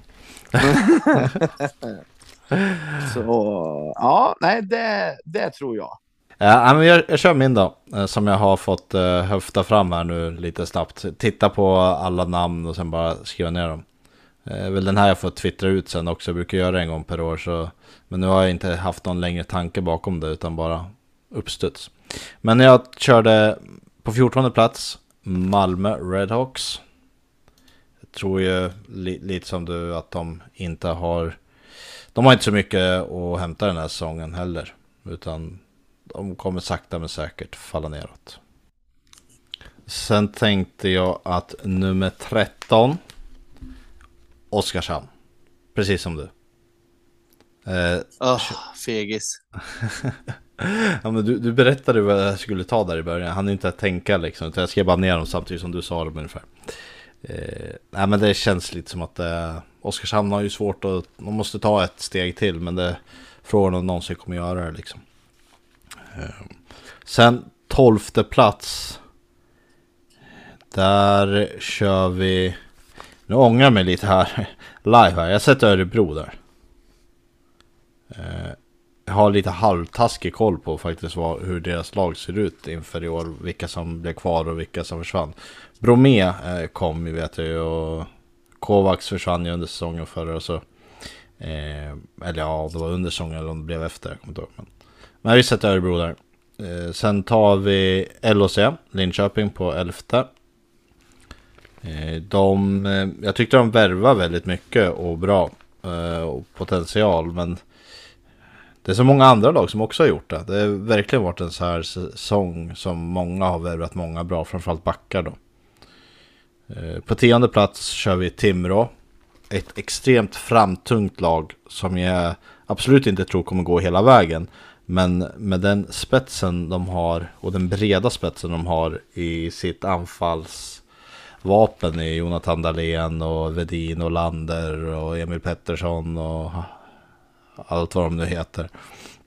Eh, så tror jag att det ändå kommer göra att de får en ändå okej okay placering i tionde. Då. Sen har vi eh, Växjö på nionde plats. Jag tror att det kan bli tungt för vår Jörgen Jönsson första säsongen. Tror att han kommer ha en tyngre säsong först och sen tror jag att de kommer göra ett ganska stort hopp till och vara säkert topp 4-lag nästa säsong. Sen HV71 på sjunde plats. Nykomling som värvat väldigt mycket och, och så. Problemet där är väl lite att de har lite av ett nybygge så hur, hur kemin och hur eh, själva sammanhållningen och samman, hur sammansvetsat laget blir är ju bara en fråga om hur långt det håller. Sjätte plats sätter jag Luleå. Tycker att de har tappat lite och jag tror ju... Jag har en tendens att ofta sätta dem lite lågt men jag... Ah, nu är det dags att de har en liten sämre säsong faktiskt. De har varit uppe lite allt för länge i, där uppe. Eh, sen sätter jag nummer fem Brynäs. Eh, där baserar jag mycket för att det känns som att dels har de värvat mycket bra, mycket finnar som de faktiskt har koll på med hjälp av Manner och övriga tränarstaben. Där jag har, lilla jag sett och så under försäsongen så känns det som att de faktiskt har, har gått ganska bra. Att eh, det är lite positiva vindar efter Eh, efter kvalet neråt så lyckas de vända det till något positivt. Lite som HV71 har gjort nu också. Eh, fjärde plats sätter vi Leksand. Ganska gediget och bra lag rakt igenom. Från målvakter till backar till forwards. Så de blir nog tunga och jobbiga att möta, helt klart. Tredje plats sätter jag Färjestad. Eh, vi har gjort ordentliga tapp om vi, om vi kollar spelare för spelare kontra de som lämnade och kom så har vi ju helt klart ett sämre lag. Men eh, det är såklart, ska man, ska man e-, ersätta ett SM-guld, SM-guldvinnare med några andra så är det svårt att inte tycka att många är eh, sämre när de kommer hit. Och det är ett billigare, billigare spel som har behövt komma hit. Så. Men som sagt, jag tror och hoppas att vi får i alla fall en forwardsvärvning och helst en center. Så finns det ändå en bra stomme. Det är ändå SM-guldsstommen som finns. Andra plats, Frölunda. Eh, de har alltid ett gediget lag och eh, det är väl dags för dem att hoppa upp någon placering nu. Eh, första plats, det tar emot men jag satte faktiskt Skellefteå som första plats. Jag tror de blir farliga och den eh, Hugg ser ju livsfarlig ut nu på försäsongen. Eh, och var ju farlig under förra säsongen. Så jag tror att det kommer, och där tror jag det kommer komma in några fina värvningar också. Och har sett väldigt giftiga ut i CHL. Så eh, tyvärr tror jag de kommer på första plats där. Eh, och så tar vi SM-guldet då. Då sätter vi till eh, Färjestad BK. Kan inte sätta mm. Skellefteå. nej, nej. Nej, men jag, spännande. Jag tycker att eh, man säger det varje sommar. Alltså, jättesvårt att säga vilka som ska vinna guld. Det, vi pratade om förra säsongen att det var, vad sa man, 68 lag ungefär som man kände så här skulle kunna vinna SM-guldet. Eh, frågan om det är ännu fler i år faktiskt. Det, ja. Jag tror i alla fall tio lag som just nu känns som potentiella eh, guldvinnare i slutändan. Och eh, vi har ju visat att man, det räcker att komma sexa för att vinna guldet. Ja, nej, men så är det ju absolut. Om man har en och... Mitell i båset. Ja, det räcker långt. Ja. Det räcker långt. Och bra. Eh, så ja. Det blir spännande säsong. Som sagt, nu drar det igång. Mm, verkligen. Och vi har hållit på och spelat in ett jäkla långt avsnitt. Så det blir lite att klippa för våra klippare. Men vi, jag har faktiskt några små saker först. Eh, jag frågade om lite om det fanns någonting vi skulle diskutera. Så vi kör lite snabba, korta diskussioner kring det här. Eh, så först fick vi från David Heber här att alla pratar om att truppen efter coronarabatt blivit så mycket dyrare så man var tvungen att titta på den lägre hyllan. Men stämmer det? Delaros, Virtanen och Rydöl har ju lämnat. Med säkerhet några av de dyra spelarna. Wikstrand är ju sjukskriven. Lillis Nygård har gått upp, säkert också Vikstena Ejdsell. Men vilka fler har gått upp sökt? Jag är säker på att Furs dessutom är billigare än Tomkins. Lindqvist tog säkert ett mycket billigare kontrakt jämfört med tidigare. Absolut, Lennström är säkert dyr, men han hade vi också redan förra säsongen. Pocka tog ett uppgifter billigare kontrakt hos oss jämfört med HV71, precis som vi var inne på tidigare, så han är nog inte superdyr. Ellie vet jag inte, men där kommer faktorer som gör att man kan skriva honom som artist och resten vi ersatt med är allsvenska. Långt resonemang, men hur mycket dyrare har truppen egentligen blivit? Tror ni inte att det finns ganska stort för, ja, resurs då, eller utrymme för två riktiga spetsvärvningar innan fönstret stänger? Jag... Alltså den... Så jag är ju inte superinsatt i det ekonomiska. Jag vet bara att ett gäng spelare har ju fått en löneök och den ska ju vara ganska bra med tanke på att de spelar på en ganska bra eh, coronarabatt första året. Ja, det rör sig om Lillis. Nygård rör det sig om 50 000. Ja, och så, har du Lill och så har du Lillis och du har Linus Johansson. Wikstrand, nu är han sjukskriven då, men han, det kommer ju kicka igång.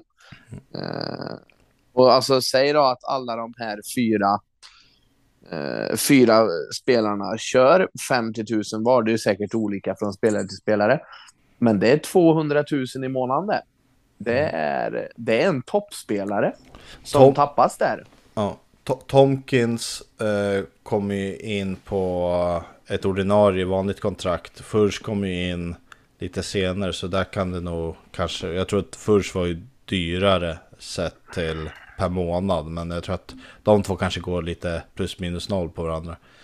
Nej, jag skulle nog säga att Tomkins eh, nästan är nog en hundring billigare i månaden. Ja, men jag tänker om du slår ut det på de, på de eh, månader som Furs var här. Ja, ja, ja. Ja, no, alltså, nej, ja. Alltså, jag kan, jag kan hålla, alltså om man bara räknar månader så, eller vet du, per månad så var nog absolut först 100 eller 200 dyrare. Men eh, under den tiden som först var här så tänkte jag att det kanske blev jämnare. Mm, mm. Ja, nej, som sagt, ekonomi är väl inte min starka sida. Jag, jag ska faktiskt säga, jag ska göra en, jag har ju har ju faktiskt, jag får, vi tar det nästa, nästa avsnitt, men jag har ju en Excel-snurra som jag gjort nu de senaste fyra säsongerna tror jag, med uppskattningar på allas löner. Uppskattningar och eh, även uppgifter eller om det har blivit böter och så vidare.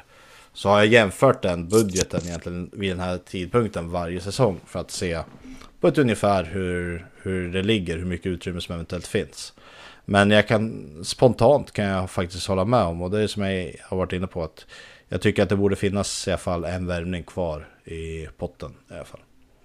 Vi... Jo, men, jo, men det gör det ju samtidigt då. Alltså, nu har det varit ett helt coronaår och det var lite osäkert förra året. Det var upp och ner. Eh, alltså, föreningar tappar pengar på det så in i bomben. Ja. Eh, och nu mer har än vi vad ju- man tror. Och nu har vi ju energi, elpriser som sticker upp också. Och vi äger ju arenan så det kommer att drabba så. Men om man bara kollar till budgeten och skiter i pe- pengarna som faktiskt kommer in och jämför budget för bu- eller ena säsongen till andra säsongen. Så. Eh, Ja, Men ja, vi har ju, jag nämnde tidigare Peppe Lund, hans kontrakt går ju också upp en hel del jämfört med förra. Mm. Så, ja, det finns lite olika, men vi får återkomma kring vad vi tror. Eller jag tror kanske blir. mm. Eh, sen nästa fråga, vad tycker ni om Färjestads spel än så länge? Träningsmatcher, CHL, eh, FBK Lovers har fråga. Det jag, om jag får säga det jag tycker så tycker jag att det bör, visst allt det här det är träningsmatcher och sen CHL men jag tyckte att det började och kändes mycket mer stabilare defensivt inledningsvis. Eh, det var inte alls lika fladdrigt utan det kändes jäkligt bra helt enkelt. Sen tycker jag att, eh, som jag var inne på tidigare, att det har blivit lite sämre för varje match. Eh, så jag hoppas att de får ordning på det tills på lördag. Ja, nej, men då, det är väl någonting de har pratat om också. Sen, sen är det ju så här. Eh, träningsmatcher, det finns inte ett lag som går för fullt. Eh, CHL-matcherna, ja, de gick fullt i en period kanske, i alla fall hemmamatcherna, för att sen bara städa av det. Eh, så det är liksom så här, vi har, vi har inte satt på de Det är här... svår, svår, svårbedömt. Ja, alltså det, det är ju det. Sen det är klart att tendenser i spelen, spelen finns ju. Sen är det så här träningsmatcherna. Det var kanondålig is. Eh, vad jag fattade som så var det riktigt dålig is nere i Europa också. Och alltså då, är det- då är det svårt att spela sitt spel också. Eh, sen är det så här en försäsong. De tränar ju stenhårt. De är ju nedkörda. Eh, har de ju varit hela tiden eftersom de tränar så hårt. Så det, jag tror inte vi har sett dem gå för fullt än heller. Nej, inte så fullt som de kommer känna då på lördag när det är ett jäkla tryck i hallen. Ja, men 8500 människor. Alla är toktaggade, lite guldceremoni och allt det här och du vet så här. Mm, ja, det... Återkom när det har gått 10 matcher i SHL. Eh, sen har vi en fråga som Tom Hellqvist skriver här. Johan Sundström till en billig peng? Frågetecken. Jag säger nej. Eh, nu har vi fått in Remy Ellie här och eh, jag har ju gillat tanken innan men eh, frågan är om man kan få honom till en billig peng. Eh, för mig skulle den där billiga pengen vara typ 100 000 eller billigare. Mm, och han sitter på 300 000. Nu är mm. Så det, skulle man få honom för 100 000 i månaden, ja då skulle jag säga ja. Eh, men det är ju jäkla osäkert också kring honom just nu eftersom han inte har spelat på så länge och så vidare. Och vad det mer kan vara. Men ja. Eh, sen har vi en till som vi fick på Facebook här från Micke Wern. Eh, vill gärna höra hur ni tänker kring Remy Ellie. Vilka tror ni att han passar bäst ihop med? Lite snabbt så, vi pratar ju om honom lite att vi tror ju på honom eh, ändå. Och att Ja, han var bra tränad och så. Och vilka han eh, passar ihop med. Jag tror han, han är så här, han är center och så. Jag tror att han kan passa egentligen med allt, allt och alla. Han är ju en sån här spelare som också faktiskt skulle kunna ta en fjärde, fjärde centerroll och spela en fjärde linje med sådana typer av spelare. Om det skulle vara så. Nu tycker jag inte att han ska göra det, men han, han känns lite allround skulle passa med de flesta egentligen. Om det så ska vara en Lillis såväl som en eh, Nygård och... Eh, så jag, jag ser egentligen ingen som han inte skulle passa ihop med. Nej, och jag tror att han är tänkt som andra center, ja. Mm, och då tänker du att Linus ska vara första center eller? Ja, Ja, jag skulle säga att vi väntar på den där första centern och så har vi Ellie som andra center och Linus som tredje center. ja. ja nej, men vi får väl se. Nej, men så, jag tror också att han skulle nog passa ihop med vem som helst. Ja, alltså det... Ja, nej, jag, jag har inget riktigt bra svar där egentligen, utan än så länge så får det bli den blir. En flipp och en flopp vill han ha också från oss. Vilken spelare Eh. säger du flipp då? Flipp Henrik Björklund. Fan tråkigt, det var det jag skulle ta. Eh, Ja. så då får väl jag ta, när jag tittar snabbt här på... Eh, ja, ja, men jag får väl ta... Jag tar Rem... Jag vill ju ha... Ah, fan vad svårt det blev. Ja men vi kör Remi Mm, och då får du börja med flopp. Floppen. Då säger jag Daniel Wiksten då. Jag var inne på det tidigare. Ja, då tog ju du min. Ja, Du snodde min så. Payback. Ja. Alltså man kan inte ta August Thornberg som en flopp. Eh, oj, vem... Ja, men okej. Eh,